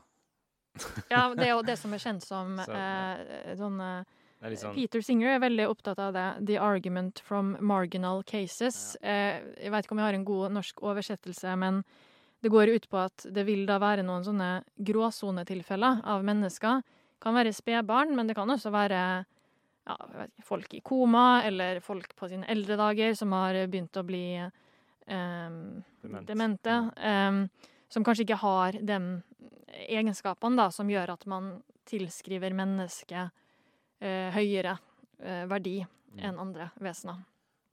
Og hans argument er da at hvis du behandler dyr fordi de mangler de, på en bestemt måte fordi de mangler de evnene, så er det ingen grunn til å ikke behandle mennesker som mangler de, på samme måte. Ja, så det som skal bety noe Hvis du kan avlive et dyr på de grunnlag, så bør du også kunne avlive spedbarn på det grunnlaget. eh, Det som skal bety noe, er mm, evnen til å sanse smerte, ja. fortrinnsvis, da. Um, Men ja. Men, men nå er det jo ikke det, akkurat det argumentet noe Nussbaum plukker opp, men hun, hun bruker jo denne tanken da om man har en slags framtidsorientering til å trekke linja for når det vil være akseptabelt å ta, ta livet da, av, av et dyr. Men ja, jeg, bare for å prøve å rydde opp litt. Altså, jeg tror den der ideen med at det ikke er så ille å ta livet av et dyr som et menneske, da. Hvis man har den intuisjonen. Så i begge tilfeller, eller når det kommer til dyr, så skal du ikke Altså det er ingen som mener, Og her tenker jeg litt sånn dydsetisk, faktisk. altså Det er ingen som mener at det utviser godt skjønn og god moral bare ved å ta livet av dyr helt tilfeldig. Eller bare helt sånn kynisk for helt sånn uten å respektere deres, deres måte å leve på, eller hvor, hva de opplever. Alle er enige om at det er ganske dårlige greier. Men spørsmålet er om Jeg tenker at det er Jeg tror ikke dyret lider ikke så Hvis du tenker på f.eks. det å ta livet av ei høne litt sånn kjapt og effektivt og på en smerteløs måte, så tror jeg ikke Smerteløs så langt det lar seg gjøre, så tror jeg ikke Det er ikke et like stort tap for den høna som det er å gjøre det samme med en, et ungt menneske. Skjønner du? Fordi det unge mennesket har på en måte uh, en større Det er vanskelig å trekke grensa egentlig på akkurat hva det er som gjør det, men altså det er noe med Et større u, ubenytta potensial. Ja, på en måte. Ja. Ja, ja, altså tanken din er at uh, um, også- det er liksom ikke like rammende for ei høne, da. Nei, men også litt sånn på det sosiale og på artsnivå også. Altså vi mennesker, vi Når vi ser hvis, vi ser hvis jeg ser at du veldig lett tar livet av mennesker, så reflekterer det veldig dårlig om deg, men det, det gjør at vi andre også begynner å reflektere over hvor ille det her er. Mens i dyr så er ikke det tilfellet. Hvis du tar livet av ei høne ganske kjapt, så reflekteres ikke det rundt i høneriket Men, om hvor eh, ille dette ja. er. Så, så det er på en måte ikke så ille for den høna, for den skjønte ikke ordentlig hva som foregikk, og det gikk så fort, men det er heller ikke så ille fordi det reflekterer ikke noe Altså, det blir ikke påført noe like stor smerte på de andre hønene heller, skjønner du? Men det du snakker om, da, er en form for rasjonalitet, da, som mennesker har, og som eh, du mener at høna ikke har. En form for lidelse som jeg tror høna ikke har. Nemlig, jeg tror høna har smerte, men jeg er ikke sikker på om den lider. Det er litt sånn Eh, Hva er er forskjellen på smerte og lidelse? Nei, altså, smerte er litt den derre Du kan ha vondt i beinet. Det kan være hvis beinet ditt er knekt, så har du vondt. Du kjenner at det er vondt. Det er smerte. Det er veldig sånn kroppslig. Lidelse er litt den derre hvor jeg har vondt i beinet, og så er jeg klar over at jeg har vondt i beinet, og så er jeg klar over at jeg har vondt i beinet, og så begynner jeg å dvele ved at jeg har vondt i beinet, og så blir det mye vondere. Og så lider jeg over tid fordi jeg har så vondt i beinet, og så begynner jeg å synes synd på meg sjøl, og så har jeg det fælt. Da er jeg oppe på lidelse. Og det har jo vi mennesker ganske sånn god evne til. Hvis jeg tråkker noen på beina, så har mennesket veldig god evne til å dvele ved det at jeg tråkka han på beina. Men Men katta skal mi gjør ikke det. Ja, men mener du da at eh, det da for mennesket er verre, for da blir det smerte pluss lidelse? Ja. Men Og det er sprer det seg på kollektivt nivå. Altså andre rundt begynner å lide også når folk dør. Mens det skjer ikke på samme nivå blant mange dyr, tror jeg. Det skjer visstnok på noen høyere sånn. Det har å gjøre med liksom sånn forståelse av hva som skjer og, Ja. og sånn. Men jeg veit ikke helt om det er relevant for noe. Det spørsmålet vi diskuterer nå, er um, under hvilke betingelser er det greit å ta livet av fortrinnsvis ei høne, da. Ja. Og da tenker jeg liksom resten av flokken er ikke så, det er liksom ikke så relevant eh, hvordan den oppfører seg, og om den responderer på eh, det her ja, drapet, da. Em, men det vil jo alltid være forskjeller på eh, høne og mennesker. Ja. Det er liksom ingen som er uenig i det. Eh, Men det er ikke like ille å ta livet av henne. men jeg- vel, jeg synes at eh, nå er det ikke meninga å snakke for mye om ei anna bok, men eh, Kristine Korsgaard har et ganske sånn interessant poeng da, som går på akkurat det her.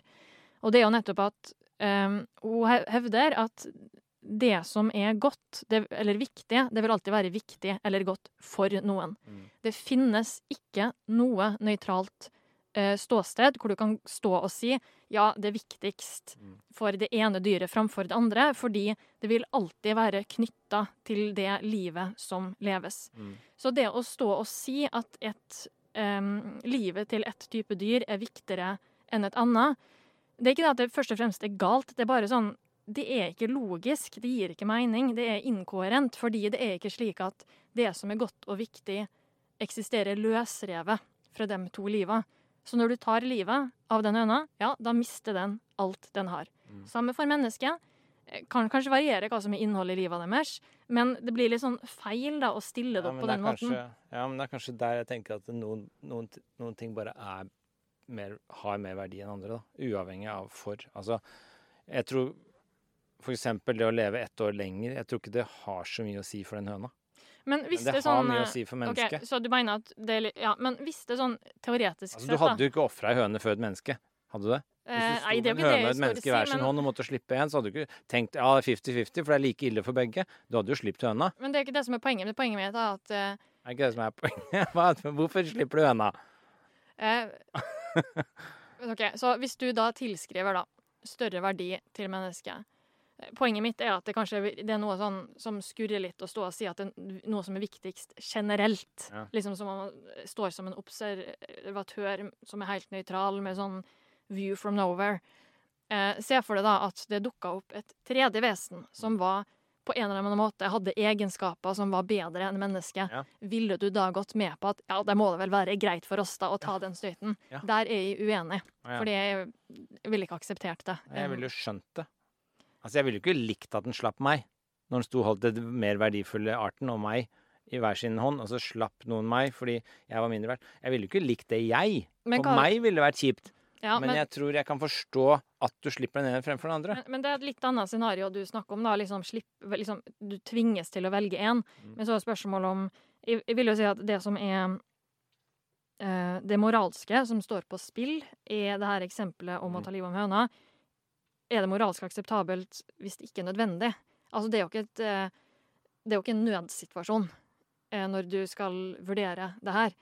Eh, det er et spørsmål om hva man skal tillate seg eh, overfor andre Mm. levende vesen. Ja, altså, jeg er enig i det til en viss grad. Altså, det er jo ikke Altså, i nødsituasjoner så liksom så blir ting litt annerledes. Jeg er enig i det. Men altså Er det nødvendig å ha husdyr, da? Altså strengt tatt er det jo ikke nødvendig. Det er jo ikke nødvendig å leve engang. Vi kan jo bare velge å avslutte. Så det er, veldig, forskjellige det er veldig Ja. vanskelig å trekke grenser for hva som er nødvendig og ikke, da.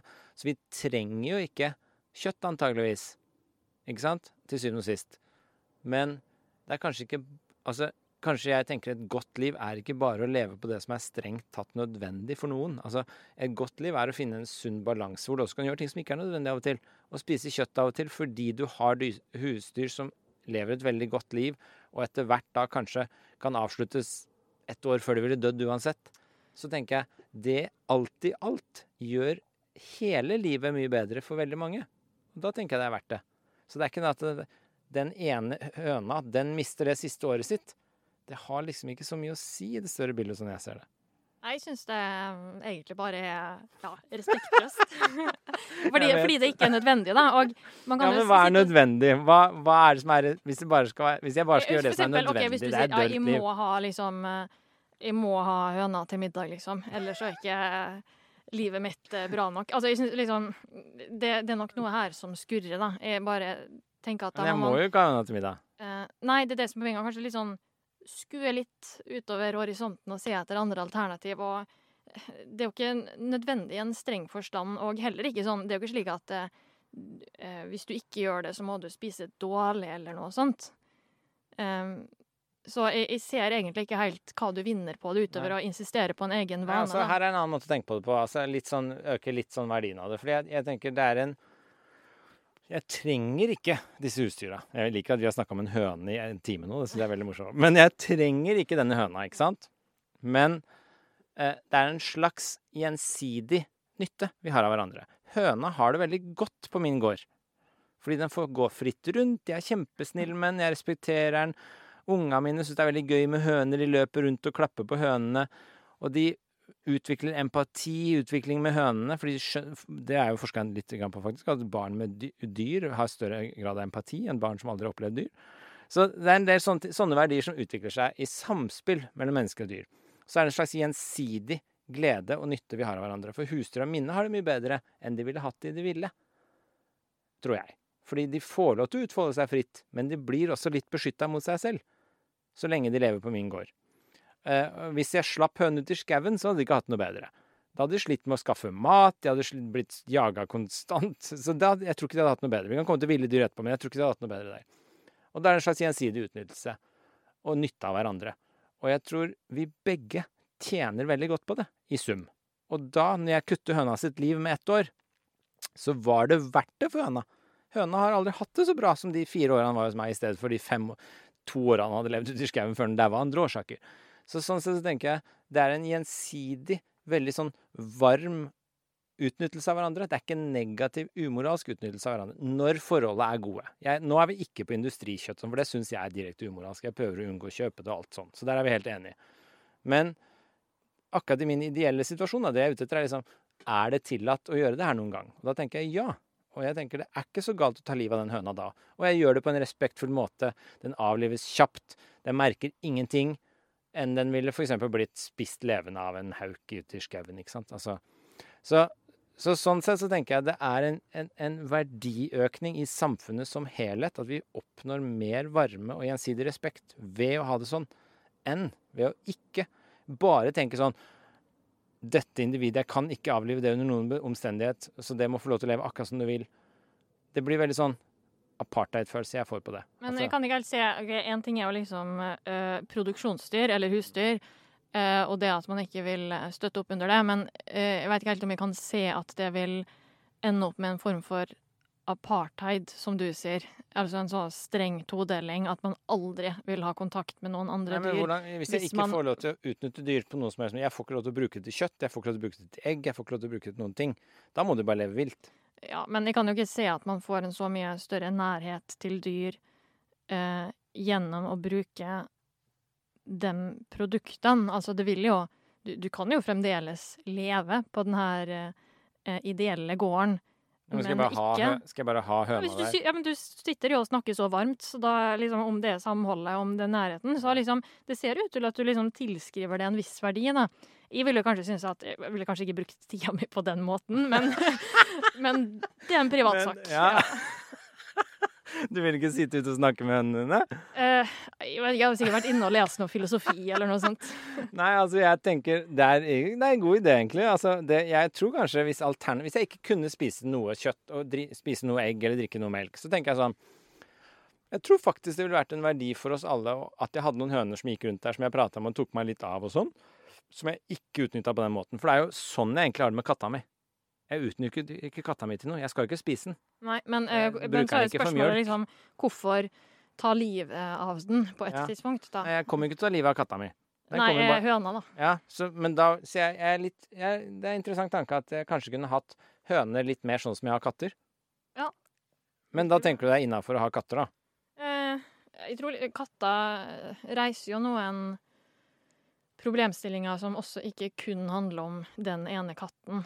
Um, det kan også handle om um, Ja, katter er jo kjent for å ta livet av veldig mye småfugl. Um, uh, og Men vi kan komme til ville dyr etterpå, det at de spiser hverandre og sånn. ja. Ja.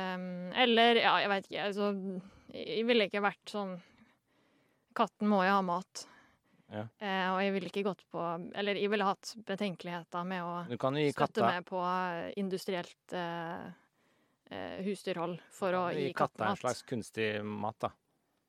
Kanskje litt dyrt, da. Ja, det er det Eh, kanskje. det er jeg har aldri prøvd det, men ja. ja. Men altså, bare sånn for å avgi... Jeg syns det er veldig interessant akkurat hvor vi endte opp med den der høna, da. Fordi Ja, nå vil du ta livet av den, eller vil du ikke ta livet Nei, altså, jeg tenker sånn Det er veldig interessant. Altså, jeg, jeg tror jeg kunne tatt livet av den til slutt. Men jeg ville latt den leve ganske lenge. Jeg ville ikke bare hatt den liksom lite grann og så tatt livet av den. Det føler jeg er kynisk. Den ville levd et godt liv, og så kanskje Ikke sant? Hvis han begynte å halte eller et eller annet sånt, så knerta jeg igjen. Men det er ganske vanlig å når man har eh, katt eller hund, da, eh, dyret blir gammelt og begynner å bli sjukt, så tar man det ned Ja. med til veterinæren og sier OK, nå er det slutt, og så avliver man dyret. Ja. Men man det er galt?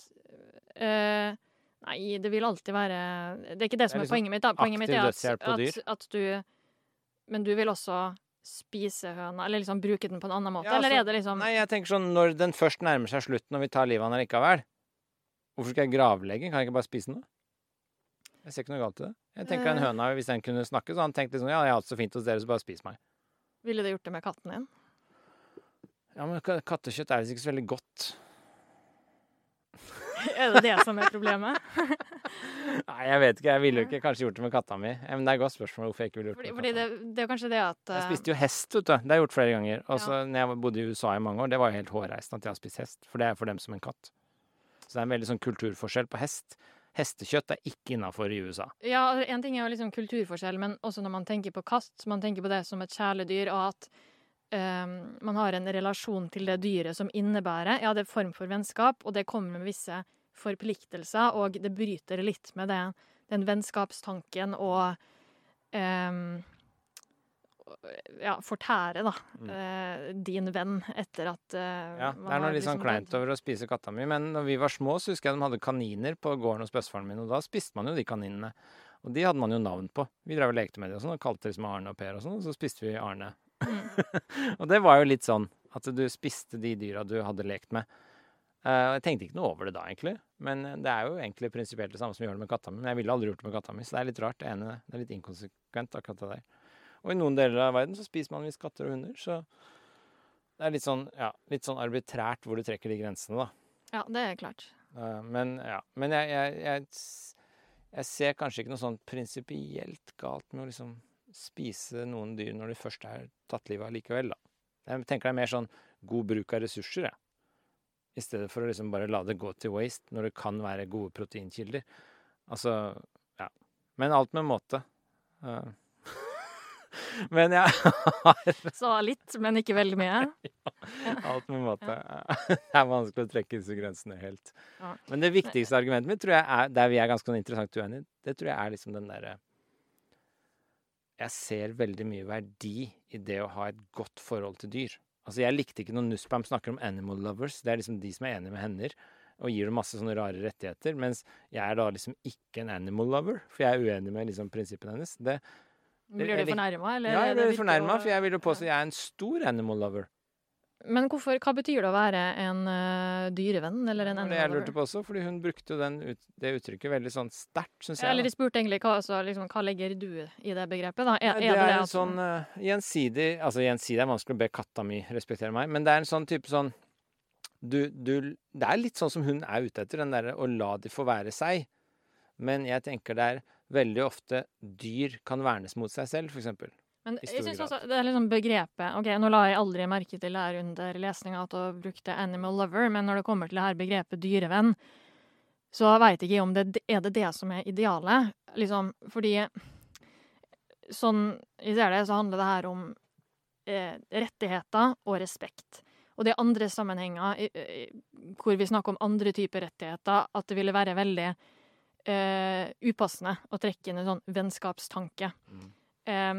Se for deg at du eh, blir satt på en test, og du må vurdere ok, skal jeg respektere andres menneskerettigheter. Mm. Ja, da gjør jo ikke du det fordi du er glad i mennesker. Du Human gjør lover. det fordi du ja. har respekt. Ja. Og du, det er liksom litt mer sånn desinteressert enn som så, da. Mm. Og jeg tenker at Det samme gjelder for dyr. Du kan være dyrevenn, men det er kanskje ikke det som er idealet. Det, det betyr kanskje noe annet. Kanskje det betyr at man liker å omgås dyr, mm. men det er et litt annet spørsmål. Ja.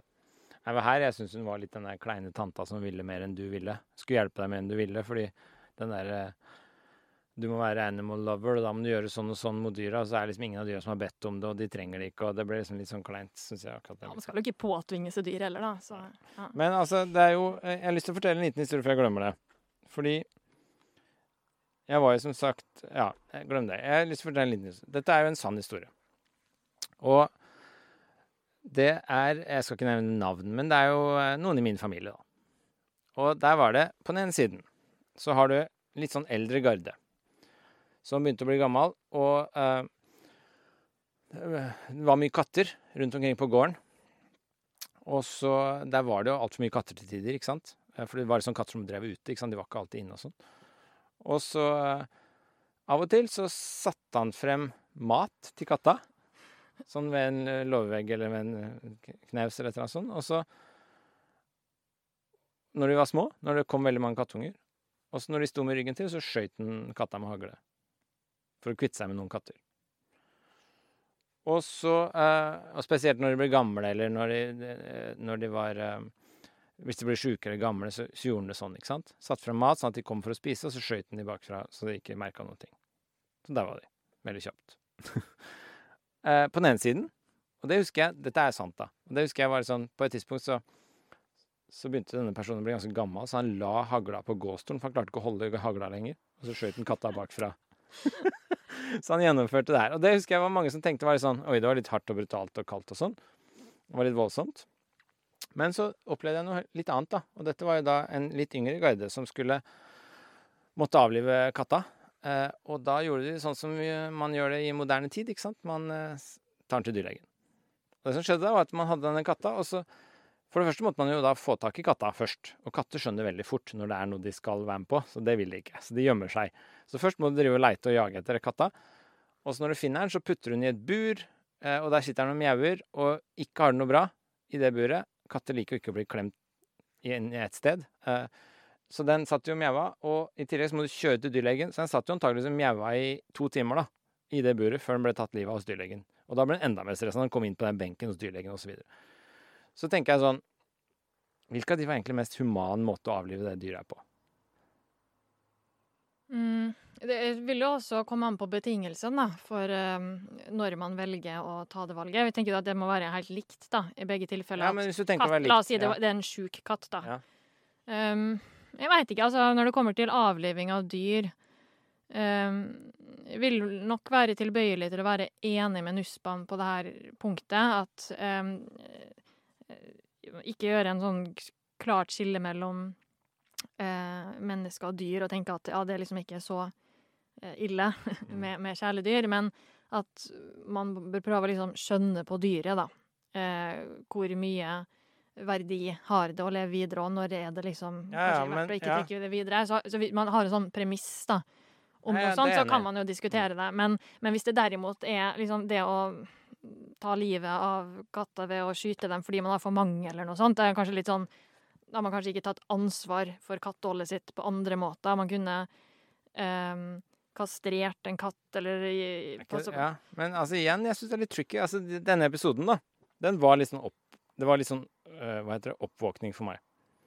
Fordi det var det, det her som, når jeg begynte å tenke på denne episoden, var det det som gjorde at jeg gikk egentlig mer tilbake til gamle metoder og tenkte det var bedre og mer humant. Og mer varm, varmt samfunn enn det motsatte. Eh, og det grunnen til det er at jeg tror her, ikke sant, her var det for eksempel, det var to tilfeller hvor dette ble gjort. da, og Det var når de ble gamle og sjuke og begynte å lekke og tisse inne og overalt. og ble, liksom, De ikke hadde noe bra lenger, så dårlig. Og det ble gamle katter. Og så var det når de var nyfødte og de ble for mange av de.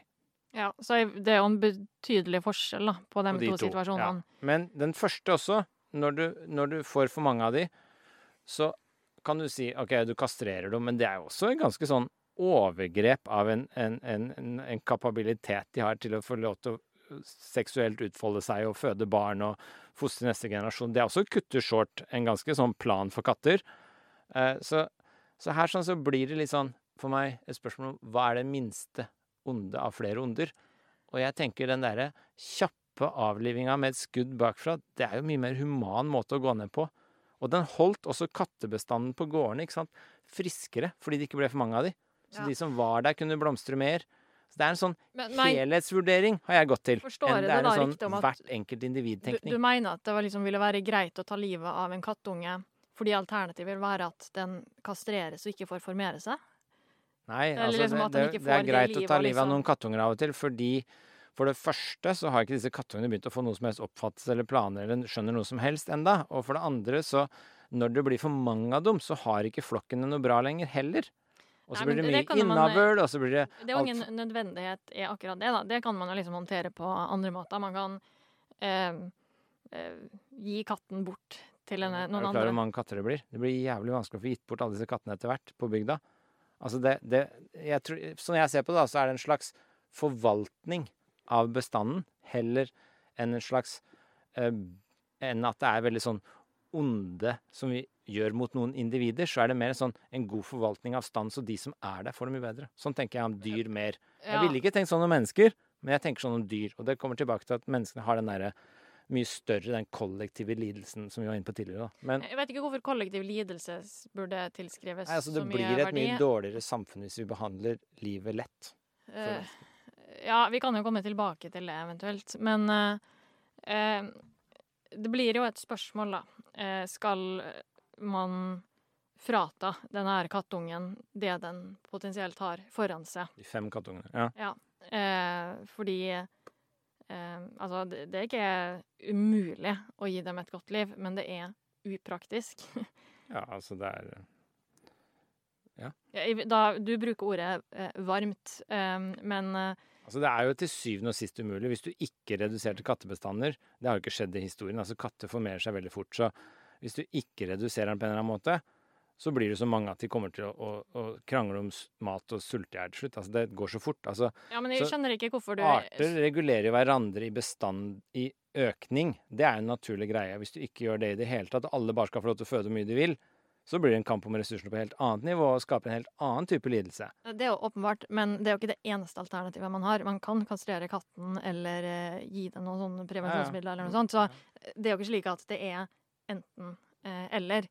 Eh, jeg tror ikke det er noen som sier at OK, eh, la bare kattene formere seg fritt. De fleste vil jo tenke at eh, en katteeier ikke tar Så ansvar. en eller annen form for forvaltning må til. Ja. Så vi må ta Ja, ansvar. eller, ja, ja, men ikke forvaltning som i avlivning, men som en annen form for Ja, det er det og det Altså, det å hindre kaller mer liv er en slags forvaltning. Det er ikke en avlivning, men ja. Hva kaller det? Etisk forvaltning? Nussbaum snakker om. Eh, ethical stewardship. Jeg likte det at hun kom, hun kom inn på det at vi må på en eller annen måte forvalte. Hun kaller det litt naivt å bare la naturen gå sin gang. Ja. Uh, og det likte jeg litt. Altså, Mm. Jeg tror også veldig mye mer på forvaltning enn jeg tror på vern. Så det å verne bare for å verne, det har ikke jeg noe som veldig tro på verken i natur eller dyreriket. Men det å forvalte godt, sånn at vi får et godt samhold, samfunn og relasjoner, det har jeg veldig tro på. Og det Ja. Så da er vi enige om at en eller annen forvaltning må til. Da er vi bare ikke helt enige om akkurat hva slags. Eller hva den eh, består i. Ja, Men vi ja. kan kanskje se nærmere da, på det her eh, kapitlet. Jeg bare, for jeg glemmer det, vi hadde Vi tok jo og kastrerte Nei, vi kastrerte ikke en hundkatt. Hva gjør du med en hundkatt? Steriliserer en hundkatt. Vi steriliserte vår katt når den var liten. Da jeg aldri hatt så dårlig samvittighet for noe, tror jeg. Var det for Selina? ja, Det var helt grusomt. Altså, Vi tok henne til dyrlegen, hun var li veldig liten. Og de kutter jo opp, og så gjør et eller annet, og så syr de igjen. Og så satte de på en sånn vest, så gikk rundt med sånn rød vest så hun ikke skulle klore på såret på en periode. Så gikk hun jeg vet ikke hvor mange, en par uker, men den vesten det var helt grusomt. Det var helt jævlig. Jeg skal aldri mer sterilisere en katt. Men er det ikke litt mer eh, inngripende å sterilisere ja, liksom en hundkatt versus en hannkatt? Jo, det er en større bare operasjon. Kastrere alle det er en større operasjon. hannkatter? Det er en større operasjon å gjøre det. Men uh, dette var jo det som skjedde, og det var helt grusomt. Og vi er vel enige om at det skal vi ikke gjøre igjen. Men da er jo fordi det føltes nettopp litt det du sier, da. Det føltes som et direkte overtramp. Det føltes som jeg liksom satt Ja, det føltes bare sånn Dette var noe vi gjorde av helt egoistiske hensyn, og nå får ikke den katta lov til å blomstre sånn den skal. Det Men var det direkte- en uh, tragisk konflikt? Nei, jeg vet ikke. Det, det var bare fælt i ettertid. Men jeg tror ikke katta har sånn lidd veldig under det. Den har det jo, som sagt, kanskje det lykkeligste livet jeg har klart å forestille meg. Men Mm. den har ikke fått lov til å få barn, da. Så den har jo aldri fått barn. Ja, men det er også interessant akkurat det. Eh, Nussbanen kommer jo inn på det eh, når det kommer til eh, den her forvaltninga av dyr, hva skal man liksom unne, da? Eller hva er viktig for et dyr å kunne oppleve? Og da nevner jo blant annet det, da, at egentlig så burde det høre, eller muligheten til det, høre til et godt liv som får utfolde seg. Men i praksis, sånn ting er nå, Ja. eh, med mange kjæledyr, det kommer til å gå helt over styr og få enda dårligere konsekvenser. Ja. For dyr, altså, det er bare urealistisk, da. Så dette er jo litt sånn evolusjonen har funka. Noen artene beholder hverandre i sjakk. De holder hverandre artsbestander i sjakk. ikke sant? Eh, Ulven spiser rådyra så ikke rådyra blir for mange. Og når, blir, når du tar vekk ulven, så blir rådyra for mange, og så begynner de å sulte, og så blir de gæren. Så det å få en sånn økologisk helhetsbalanse er sånn evolusjonen har funka. Og så har vi tatt over litt sånn parasittisk og liksom styrer alt og kveler alt og dreper naturen og sånn. Og da, så ideen er vel, er vi enige om det? Litt sånn vi må tilbake til en forvaltning hvor vi får en helhetsbalanse. Også når det kommer til dyrebestand. Mm, kan vi ikke se nærmere Får du På ikke det bedre ved bare eh, la de løpe løpsk. Altså, vi har jo ulike typer forvaltning, da. Eh, Nussbaum kommer vel inn på Altså, nå er det kjæledyr. Eh, det er også snakk om det hun omtaler som dyrehager, eller SUS, ja. eh, som hun har en litt eh, alternativ forståelse av. Mm. Eh, og så er det jo snakk om eh, jakt eh, og liksom andre måter å regulere dyrebestand på. Um, Nå er vi kanskje litt ferdig med husdyr, er vi det? Og så er det litt mer sånn ville dyr, eller? eh, Han derre Jeff McMahon, kjenner du han? yes. Han skrev jo det at vi må Jeg tror Ole Martin Moen også, som jeg har hatt på den podkasten her og lagd annen podkast sammen med, har vel også argumentert for noe lignende, at vi må Vi må hindre rovdyr i å spise hverandre for å minimere lidelse. At vi har en moralsk forpliktelse til å sørge for at ulven ikke spiser rådyra. Ja, han kan veldig aktivt Du må aktivt gå eh, inn og gripe inn, sånn at villdyr ikke spiser hverandre, fordi det innebærer lidelse. Mm. Ja, man kan jo se, er sånn se den samme utfordringa i, sånn, i Nussbaums kapabilitetstilnærming. Hva skal man gjøre i de tilfellene hvor livsutfoldelse for noen dyr innebærer Mm. å ødelegge og påføre livsinnskrenkning for det var vel en tragisk Hva det du kalte det? Tragisk Tragisk dilemma. Ja. Um, eller vel- konflikt, Det er kan vel man si. tilfellet det, Ja. ikke? Eh, ja, men det er også et spørsmål eh, som stilles til oss da, som mennesker, fordi vi har jo midler og mulighet til å gripe inn på et vis. Og da er spørsmålet er vi forplikta til å gjøre det. For eh, det hun skriver om den ville naturen, er jo ganske Eller tidvis så er det jo litt sånn hardtslående å avvise at det, det finnes jo ikke noe egen natur, altså vill natur. Det er bare en romantisk idé som ikke finnes. Og det å tenke at eh, et byttedyr At det ligger i det dyrets utfoldelse å liksom bli spist eller revet i stykker, det er bare en helt sånn misforstått måte da, av hva som er viktig for et dyr. Um, men Er du enig? Jeg tenker at det ikke finnes noe vill natur, egentlig. Det er sånn gammel tankegang det er i naturfilosofi. at det, mm, Til syvende og sist så er liksom til og med nå miljøpåvirkningene så Hvis de er menneskeforskyldt, ikke sant, så har vi jo påvirka all natur på alle nivåer. Ja, så det er ikke men- noe urørt natur lenger. Det fins ikke noe vill natur. Alt er påvirka oss. Vi må bare ta ansvar for alt. eh, Nei, jeg tror liksom ikke det først, ikke først og fremst der eh, i oppfatter Nussbaum som kontroversiell, men så blir det spørsmålet hvordan man da eventuelt skal gripe inn på ulike måter. Mm. Og hun går jo ikke så langt som McMahon. ja, eh, som, som du nevner her, men hun har jo noen forslag da, til er litt sånn moderate forslag, egentlig. Sånn litt sånn der, vi bør gripe inn litt, men ikke for mye. Ja. Vi bør være forsiktige og trå varsomt, så vi ikke liksom overhjelper det hvor du får dårlige konsekvenser. Men kanskje legge litt til rette, ikke sant? Men ikke for mye.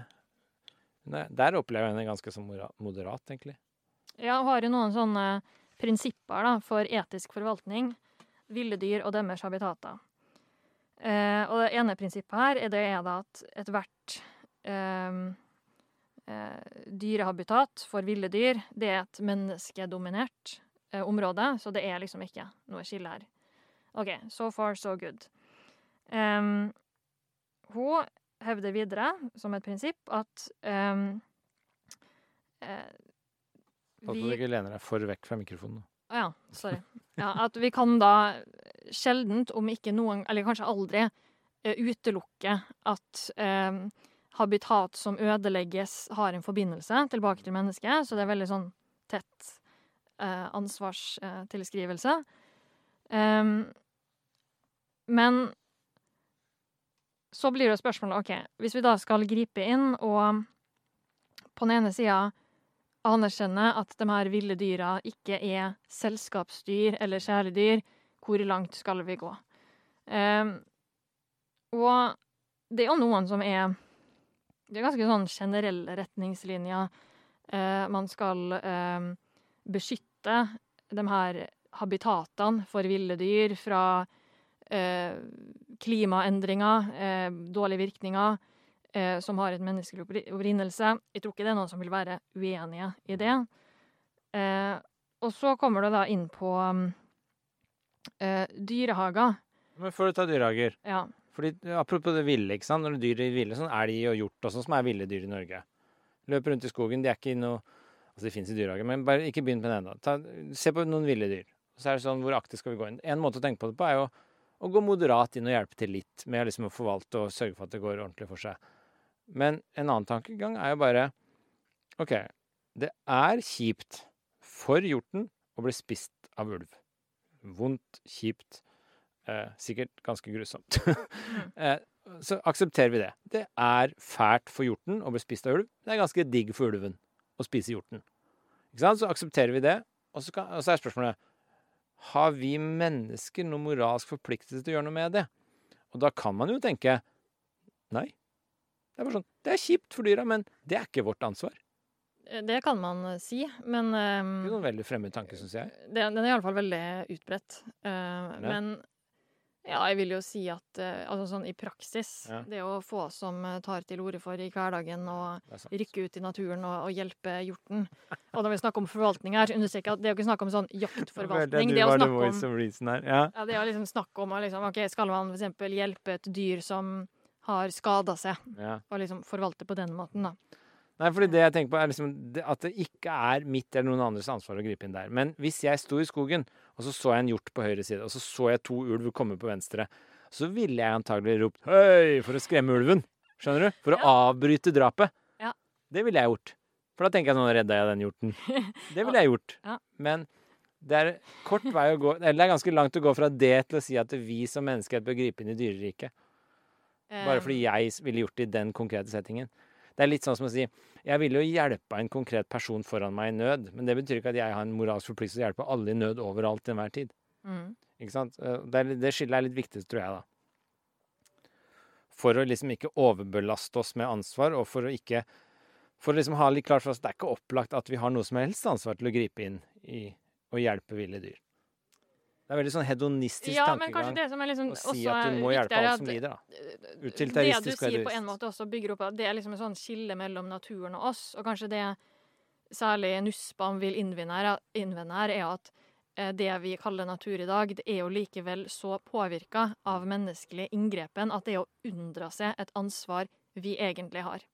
Så det hadde kanskje vært annerledes hvis mennesket aldri hadde forårsaka en eh, klimakrise, hvis de ikke hadde påvirka biomangfoldet ved å utrydde noen dyr, jakte på visse andre, Mm. innføre husdyr, påvirke eh, eh, plantevekst og liksom skogen, hvordan det bygges. Så det, det er jo veldig sånn sammensatt der. Da. Det er jo ikke sånn noe som er totalt uh, frakobla menneskets påvirkning, Hvis du liksom fucker opp habitatet til en dyr i nærheten av gården din, så har du litt ansvar for å fikse det igjen. For eksempel. Ja, jeg er enig i det. Det er jeg veldig enig i. Men altså, det er jo også litt den derre Ja. Men det er, ja. Så det er viktig å prøve å forstå den grensa. Den er vanskelig å trekke, egentlig. Um, OK. Kan jeg, ja. Men kanskje det er si kla klareste, da, hvis det kommer til ville dyr, og det Nussbaum sier. Altså, hun, hun skriver at vi må eh, da liksom begrense eh, vår bruk av eh, habitat, eh, eller ressurser, da, i et habitat som det er knapphet på. Og der er det kanskje sånn en sånn klar konflikt da, mellom mennesket og da ville dyr. Det å avstå fra å bruke habitat.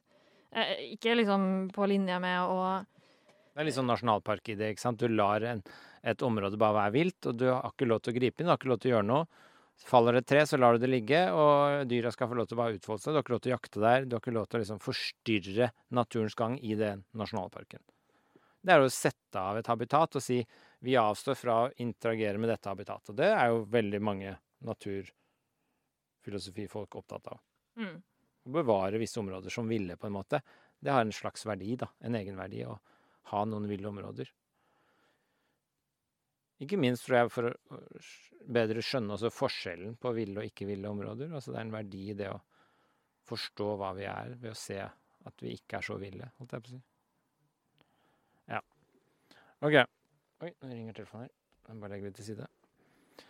Men OK, du skulle si noe om zoo, eller var det noe Eh, Ja, det kan jo komme Altså, spørsmålet her er jo eh, forlengelse av eh, hvordan man skal da drive med etisk forvaltning. Hva skal vi da tenke rundt dyrehager?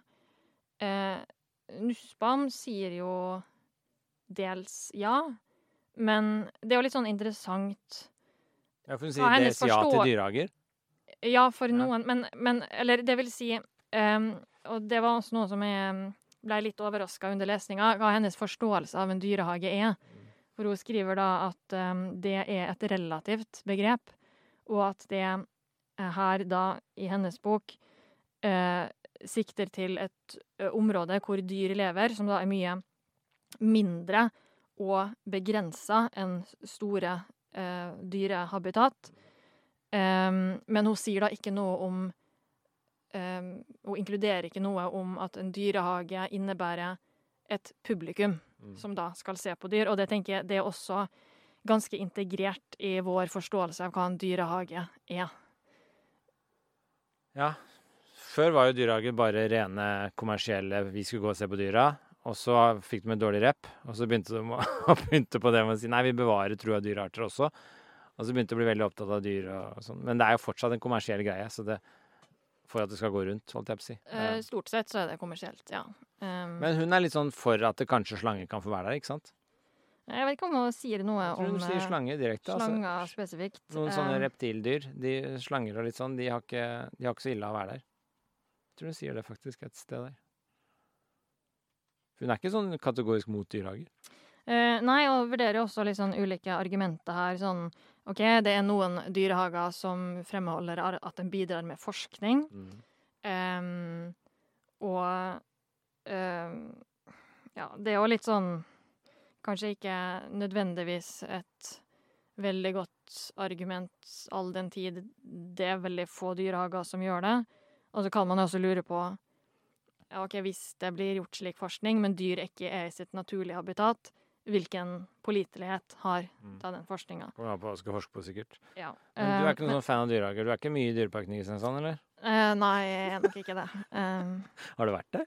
jeg har vært der som eh, barn. Ah, ja, men ikke som voksen? Nei, det har jeg ikke. Uh, har du? Ja, jeg har vært der mange ganger. Jeg elsker, er jeg elsker å gå i dyrehage. Er det for å se på dyr, eller er det Nei, jeg syns det er veldig gøy å gå og se på dyr. Jeg digger å se på dyr. Men jeg går jo der av og til med en bismak, jeg må innrømme det. Spesielt når jeg går og ser er, I Kristiansand så er det spesielt orangutangene som jeg syns er fælt å se. Men synes du at Jeg er inne i et glassbur, liksom. du lærer noe nytt Altså da ikke som en sånn moralsk innsikt eller eh, refleksjon, men om dyra som Sammenligna med hvordan du kunne lært om det på andre måter. Ved Ja, å litt, se en altså- dokumentar eller s Ja. dra på utflukt der dyra levde naturlig. Jeg tror det er litt sånn læringspotensial i det, faktisk. Altså som barn og ung og voksen også, for den saks skyld. At man går og ser det litt nærmere, og til og med får klappe på en elg. Jeg tror det har noe med den nærheten der som du aldri Du får en slags interesse for dyret som du aldri ville fått på en dokumentar-TV-skjerm eller ved å lese en bok. Eh, og jeg ser det spesielt blant eh, en del barn som blir sånn oppriktig interessert i en dyreart fordi de syns det er fascinerende å se på det. Der tror jeg det er et læringspotensial som du ikke ville fått ellers. Men om det gjør det verdt det alt i alt, det er litt annet spørsmål. Ja, og så blir det jo også et spørsmål om hvordan det ville være sammenligna med andre måter å lære om dyr Ja. på.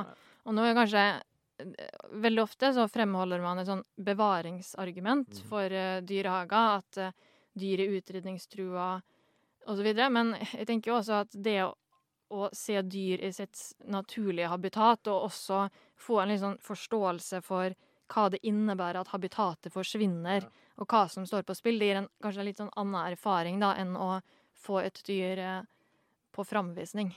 Ja, men det står jo en del sånn informasjon om at dette er rødtrua rød, Hva heter det? Rødmerka art. Trua i en viss grad. Du får en del Det har en del sånn Det har litt sånn uh, undervisningsoppreg Eller det har litt sånn læringsverdi, altså det å se det nært. Akkurat som Det er litt det samme som når man leser om skogen, ikke sant, og ser det på en film. Det er noe helt annet å gå en tur i skogen og lukte på trærne og ta på de og kjenne på de og være i skogen. Og det er noe helt annet å være rundt dyr og se de nærme og se liksom gaupa knurre når den blir mata. Det gir en helt annen følelse og litt sånn innsikt, egentlig, tror jeg, men også kanskje litt sånn potensiell for mer interesse i dyr ved å se de faktisk. Men jeg er ikke overbevist om at det berettiger alt i alt en dyrepark. Det er jeg ikke overbevist om. Men det som var så ille med å se orangutangene spesielt, det er jo at du står på den ene siden av glasset, og så ser du dem på den andre, og så sitter de og ser på deg med veldig menneskelige øyne og ser på deg, og så tenker du sånn Jeg satt og følte at den orangutangen tenkte 'Hvorfor er du der og jeg er her?' så det syns jeg var ganske ille å se. Det syns jeg var fælt, liksom. Men det var jo en erkjennelse jeg fikk, det også. Men jeg tror ikke det gjør det verdt å fengsle de. Nei, altså, liksom, man kan kanskje vekke en interesse, men liksom interesse for hva? Er det liksom Ja. interesse på, er, det- det ren kunnskap? Mm. Og liksom til hvilken verdi kommer det? Og kan man få det på, på Ja. andre måter, da? Også Eh. det, men så var inne inni den der reptilhuset da, i Dyreparken, så ser du jo f.eks. slanger og litt sånne ting. Eh, og blant annet så så jeg pinnedyr. Har du sett det? Ja. Det er veldig morsomme. Det er bare sånn, De ser faktisk ut som fyrstikker. Sånn pinner. Men ja, det var jo veldig vanlig å ha som kjæledyr. Ja, Men den ene pinnedyret var jo på utsida av glasset når jeg var der. Så det må jo ha kommet seg ut på en eller annen måte. Satt et pinnedyr på utsida. Den Ja. yngste sønnen jeg var veldig fascinert av det ene pinnedyret. Og da tenker jeg sånn Dette pinnedyret har det ikke veldig fælt her. Eh, slik at der tenker Men, jeg det. men så er spørsmålet Jeg hadde jo vil- aldri Ville du lært gått i um, dyrehagen i Kristiansand hvis det bare var pinnedyr? Antageligvis. og bare sett en haug med pinnedyr. Det var helt fantastisk fascinerende. Men jeg ville jo aldri lært om pinnedyr hvis det ikke var for det. Mm. Jeg hadde ikke hørt om det engang før jeg var der. Så, sånn sett så har det jo noe verdier, men Men bidrar det til at du ønsker å støtte opp under pinnedyrets livsutfoldelse? altså jeg googla pinnedyr. Jeg ble veldig fascinert av pinnedyr. Ja, Så eh, det har jo sin verdi. Og jeg tror ikke pinnedyr led noe særlig av det. Jeg tror heller liksom verden ble litt rikere fordi jeg fikk litt mer kunnskap. Jeg vet ikke, jeg må innrømme at jeg kan ikke så mye om eh, pinnedyr. Men eh, jeg tror ikke det er fordi jeg ikke har gått i Dyreparken i Kristiansand. Nei, nei. Eh, Men det er noe med det å se det. Ja, men uansett. Men øh, jeg tenkte jeg skulle spørre om en ting. På side Dette er kanskje litt Ja, jeg tror jeg er relatert til det vi har snakka om så langt. På side 208 så skriver hun om dette med å Hva slags forpliktelse vi har overfor dyra. Mm. Eh, og spesielt da så sier hun f.eks. her på et sted så sier hun Hun mener da at et barn som ikke har blitt pottetrent eller lært å vaske seg eller ikke bite, det lider av The suffered from criminal neglect. Så omsorgssvikt er en annen måte å tenke på det på. Altså kriminelt omsorgssvikt. Altså hvis du ikke lærer barna dine elementære ting, så, så er det kriminelt. Det mener hun er ikke bare moralsk galt, men burde også være juridisk galt. Eh, og så sier hun And so too with dogs. Ja. Så hun mener også at det å ikke lære opp husdyra dine, eller kjæledyra dine, til visse ting, f.eks. å ikke bite Hun går ganske langt, faktisk, overraskende langt, i det å vår forpliktelse til å utdanne dyra våre.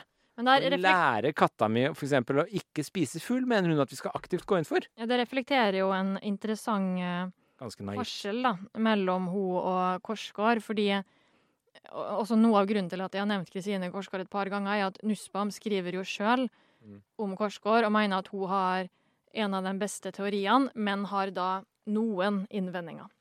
Ja. Og en av de innvendingene hun har til Korsgaard, er at så Det Korsgaard gjør, er å argumentere i en kantiansk tradisjon for at dyr, eller at vi har plikter overfor dyr. Men hun mener også at plikter det kan vi snakke om i litt sånn ulik forstand. Vi kan snakke om det i en aktiv forstand og en passiv forstand. Og aktiv, det er når eh, La oss si I og du liksom har en gjensidighet da, og tilsvarende kan forvente eh, samme plikter fra hverandre eh, til ting vi har rett på. Mm.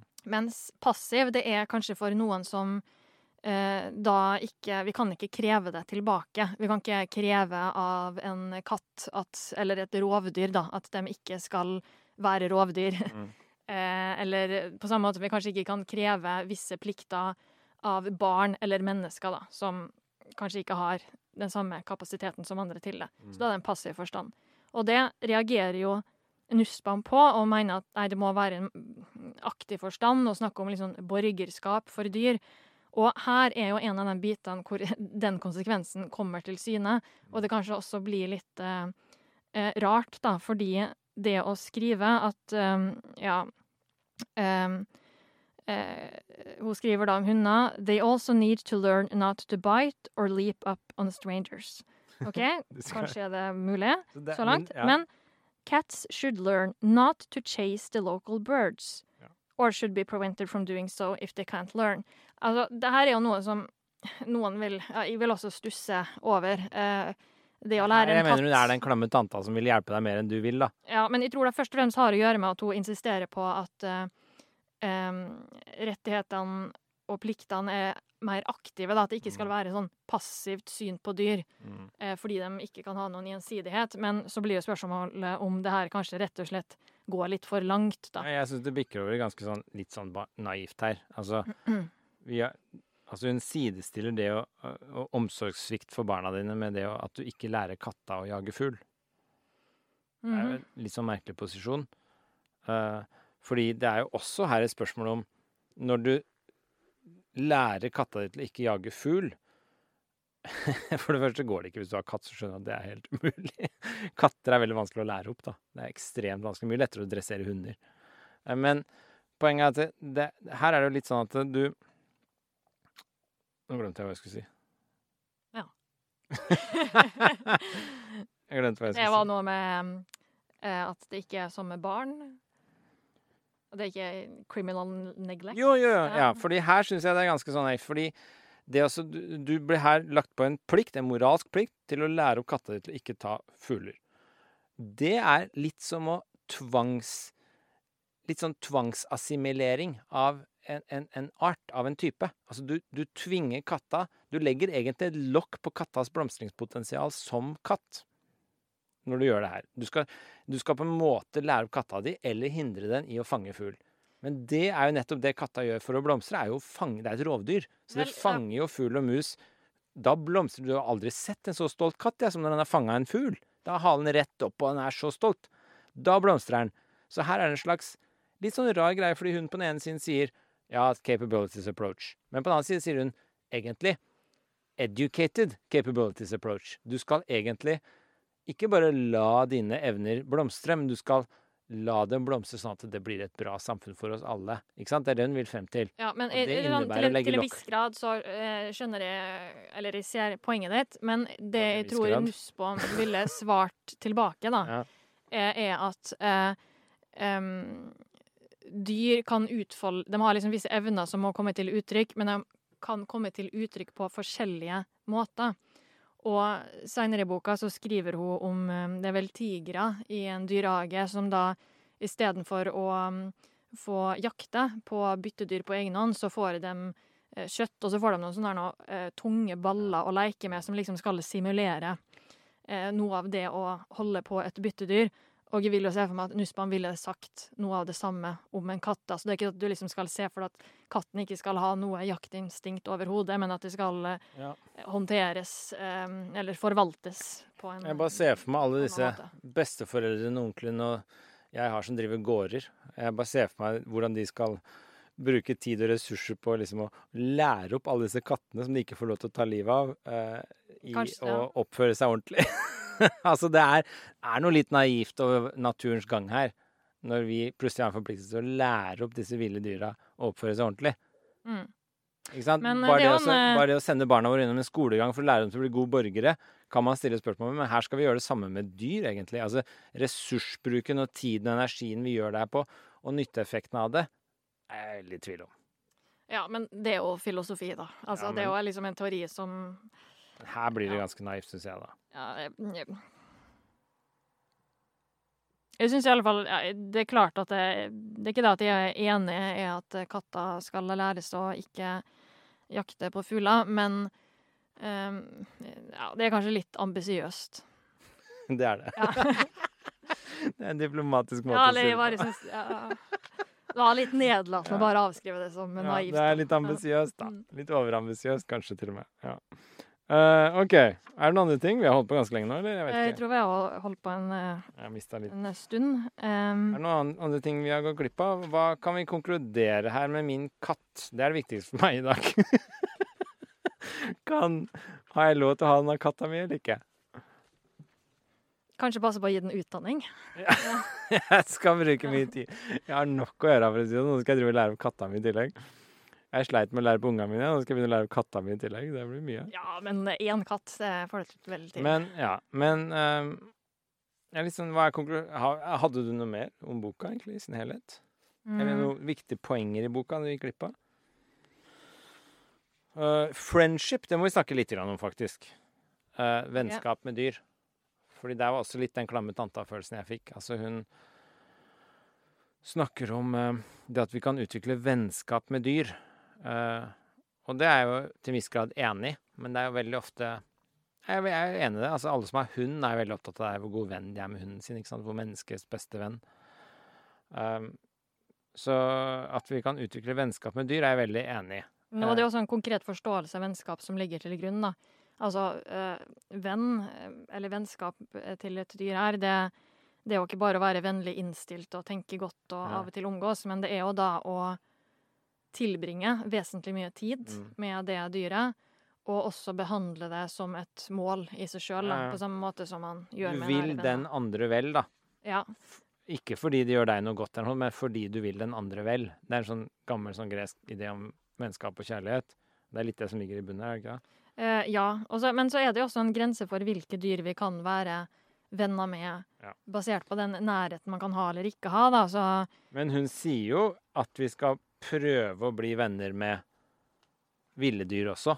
Men det er jo litt eh, utvikle vennskap. Og hun sier til og med at hun, hun skulle ønske, eller hun lengter etter et vennskap med en elefant. mm.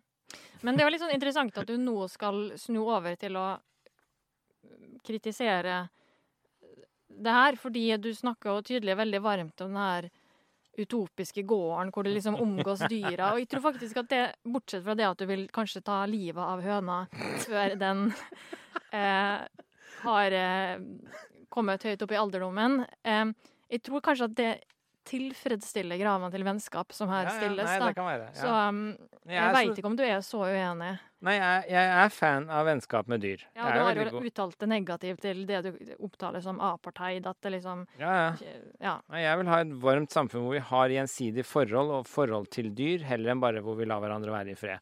Jeg vil, ha et, jeg vil prøve å finne den gode balansen, det er jeg helt enig i. Men jeg syns hun kanskje går litt langt i dette vennskapet. Nå husker jeg ikke akkurat hva det var hun sa, men det var liksom Vi skulle liksom prøve å være Hun hadde veldig tro på dette vennskapet som sånn gjensidig greie blant villdyr også. Og da syns jeg det, hun gikk litt langt igjen, da. Men det er jo som sagt eh, ikke noe grunnleggende uenighet her, tror jeg. Nei, nei, men det er også grenser. Hun nevner vel eh, ja, som eh, et dyr hvor det bare er helt uaktuelt. å ja, Det er også sånn som dukker opp Det er jo en hval på forsida av boka, og hun nevner vel dattera si som uh, jobber med uh, Hun er nok ikke noen fan av sånn norsk hvalfangst. dyrerettighetsorganisasjon.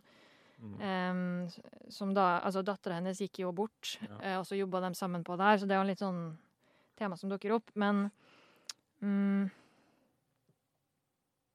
Hun snakker om vennskap med det med ville dyra hun, hun faktisk snakker om, det er vel bavian nevnes, og elefant, men da nevner hun jo spesifikke forskere som har vært ute i felten i flere år og bygga opp et bånd, så det er jo en ganske spesifikk eh, livssituasjon da, det henvises til her. Det er Litt som eh, Julius da jeg var liten. Han vokste jo opp med menneskene og var venn med han der faren i huset. og Mm. Han kjenner han fortsatt igjen ikke sant, når han kommer. Og, Uh, så det er jo sånn type vennskap hun har sett for seg. da. Men det er jo Mitt spørsmål er bare Jeg ser det, det er i mange tilfeller at det skjer, og jeg har tro på at det skjer i mange tilfeller. Men det er også et spørsmål om hvor mye vi legger det menneskelige i det her. Versus dyra. Altså Jeg tenker at jeg har et veldig godt forhold til katta mi og godt vennskap, men jeg er ikke sikker, hvis, jeg, hvis noen andre bare begynte å flytte inn der jeg bodde, så er jeg ikke sikker katta har brydd seg nevneverdig. Jeg er litt usikker på gjensidigheten, for eksempel, da. Mm. Ja, Eh. det kan også være at mange dyr man opplever at man dømmes ikke i dyrs nærvær. At det er litt sånn betingelsesløs glede. Ja, det er det som er deilig. Men det kan jo ha en bakside også, da, fordi det er ikke noe spesielt med det. Nei, Det er nei. bare Ja. litt sånn hyggelig Ja, ja. selskap på en måte. Så hvordan man balanserer det mot Ja. ulike dyr, det blir jo en uh, vurdering, da. Men uh, Det er jo ikke noe altså det, er, det er jo jeg, ikke kjent for å være et veldig eh, trofast dyr. Nei. jeg tror det var Bikkjer er kjent for å være veldig trofaste. Men jeg tror det var en komponist var det ikke, som sa at Nei, det var, jo, det var en komponist, tror jeg, jeg husker ikke hvem er, som sa at du har ikke kjent menneskelig lykke før du har hørt på klassisk musikk og kost på en katt. Eh, og det er noe med den derre det, det, det vennskapet du kan få til et dyr, tror jeg kan være veldig sånn helbredende. Da. Altså at du Det er ikke det at dyret behøver å si så mye tilbake. Det er bare det at det er der og dømmer deg ikke. Og det at det bare liksom kommer tilbake og får mat og stryker seg på deg for å få litt mer mat, uavhengig av hva du har gjort dumt den dagen, det tror jeg er veldig helbredende. Og veldig sånn terapeutisk for mennesker å ha det forholdet til dyr. Til mange dyr. Og det er nesten bare å ha en eh, Det kan være katt, hund, det kan være eh, høner på gården, ikke sant. Høna med igjen. Altså bare det å kunne gå ut til hønene og gi dem litt mat, og så klukker de litt rundt. Og så, det er veldig sånn beroligende og helbredende. Tror du høne vil ha samme effekt som katt som du kan kose med? Til en viss grad. Jeg tror kanskje katter og bikkjer er mye mer sånn menneskevenner av en grunn. da. De har blitt liksom avla i årevis for å bli mer sånn at de trives i lag med mennesker enn høner. Men Mm. jeg tror det å ha høner kan ha en like stor helbredende effekt. Eller kan ha en stor helbredende effekt. Det å ha dyr generelt kan ha det ved at du går ut, gjør noe for dem, du får gitt litt av din kjærlighet. Du, de liksom stryker seg tilbake eller viser en viss form for takknemlighet når de får mat tilbake. Jeg tror den er en ganske sånn varmende og helbredende effekt, da. Som jeg tror samfunnet blir litt kaldere hvis den ikke har noe av. Ja, Så du er en klar dyrevenn? Jeg er en klar dyrevenn, men jeg tror ikke jeg oppfyller alle Nussbaums kriterier for å være det. og i hvert fall ikke dine. Jeg knerter den høna, ja, og så spiser den, men altså, det er jo Jeg ville jo ikke behandla den dårlig før det. Nei. Uh... Jeg elsker at denne høna har blitt en realitet. Ja, nå må jeg bare skaffe meg høner. Uh, spørs det. Men uh, ja, behandle den bra, da. Ja, ja, absolutt. OK, var det noe annet, eller skal vi gi oss, eller? Jeg tror jeg i hvert fall holdt på en Er du lei? anstendig lengde. Det var litt hopp og sprett, men jeg syns jo vi kom innom mange viktige ting. Ja, men det er jo en lang bok også, da. Den er jo på eh, godt over 300 sider, så det er jo mye man eh, kan ta tak i. Men vi har jo vært innom eh, Kanskje ikke så mye de kritikkene av de andre teoriene, men det er kanskje ikke det som er mest vesentlig. Nei, det blir så faglig også fort. Uh, det blir fort sånn fagnerdeting. Men også det siste kapittelet om uh, jussen har vi heller ikke vært innom, men det syns jeg ble veldig sånn, litt sånn amerikansk juss, som kan ha over- overføringsverdi, men litt sånn akkurat hvordan du skal utforme det juridiske, har ikke jeg noe sånn veldig mye å si om, egentlig. Ja. Har du? Men hvis du skulle oppsummert boka, ville du anbefalt den? Ja, det ville jeg. Fordi jeg syns egentlig at det er en veldig sånn Jeg liker måten hun skriver på. Hun formidler filosofi og filosofisk refleksjon veldig sånn lett og bra. Så jeg syns det er en veldig sånn fin måte å begynne å tenke på disse tinga på, og lese denne boka. Og så syns jeg hun overrasker litt med noen sånn som jeg syns er veldig naivt. Sånn som å drive og skal lære opp katter til ikke ta fugl.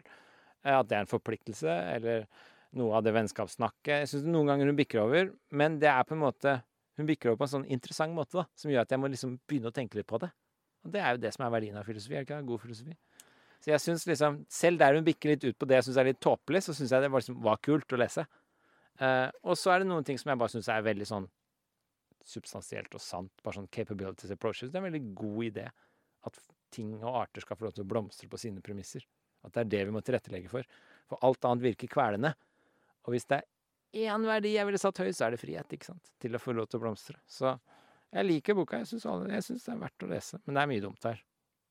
Ja, det er litt sånn både og. Altså, jeg syns jo at det er Jeg synes først og fremst at det er et prisverdig prosjekt, og det å gi dyrs rettigheter et sånn klart eh, rom innenfor kapabilitetstilnærminga, det er originalt, og det er på tide. Eh, stiller meg nok litt undrende til hvor eh, revolusjonær Eller det er jo ikke noen revolusjonær teori, i, den forstand at eh, hvis vi ser på konklusjoner man ender opp med Dyrehager er f.eks. OK i noen versjoner. Eh, det, fisk har ingen fremtidsutsikter, så vi kan spise fisk hvis de tas livet av på en smertefri måte. Eh, og så dukker det opp i også diskusjonen av smerte. Jeg tror det var overraskende nok hai og skate tilskrives ikke Mm. en fullt ut sånn sansende evne på samme måte som andre dyr.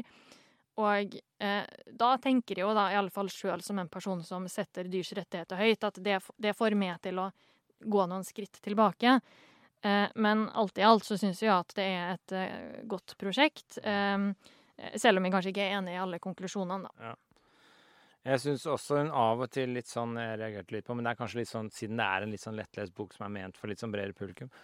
Hun gjør av og til noen sånn swiping claims her, med sånne generaliseringer som er delvis empiriske påstander. Jeg ikke, kommer jeg ikke på et tilfelle, men det var flere ganger jeg reagerte på liksom Dette er jo en empirisk påstand hun bare slenger ut og sier 'sånn er det', uten noen referanser. Mm. Det reagerte jeg litt på. Jeg skulle ønske hun hadde litt mer konkrete referanser på de mer sånn generelle, empiriske tingene hun bare påstår er tilfellet, da. Men det er kanskje litt sjangeren, jeg vet ikke. OK, alt i alt så moralen er du skal hjem og skaffe deg katt. Nei. Jeg skal hjem og skaffe meg høne. Ja, eh, vi får se. Jeg tror ikke det blir katt på meg med det Da. første, men eh, Hund. Høne. Ku. må jeg ha dyr?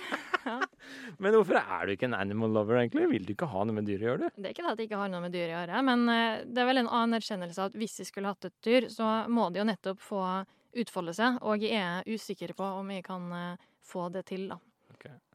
Du er veldig moralsk menneske. Mm, jeg veit ikke. Ja, det er bra. Veldig bra. Det har vært uh, veldig hyggelig. Jeg syns du har vært innom mye interessant. Ja. Er du fornøyd? Ja, det vil jeg si. Jeg er veldig opptatt av at mine gjester skal være fornøyd. Er du fornøyd? Ja, Jeg synes det gikk fint. Vi har vært innom alt som er interessant. Vi uh, gjør det sikkert en gang igjen senere. Takk, takk. Takk, eh, takk for invitten.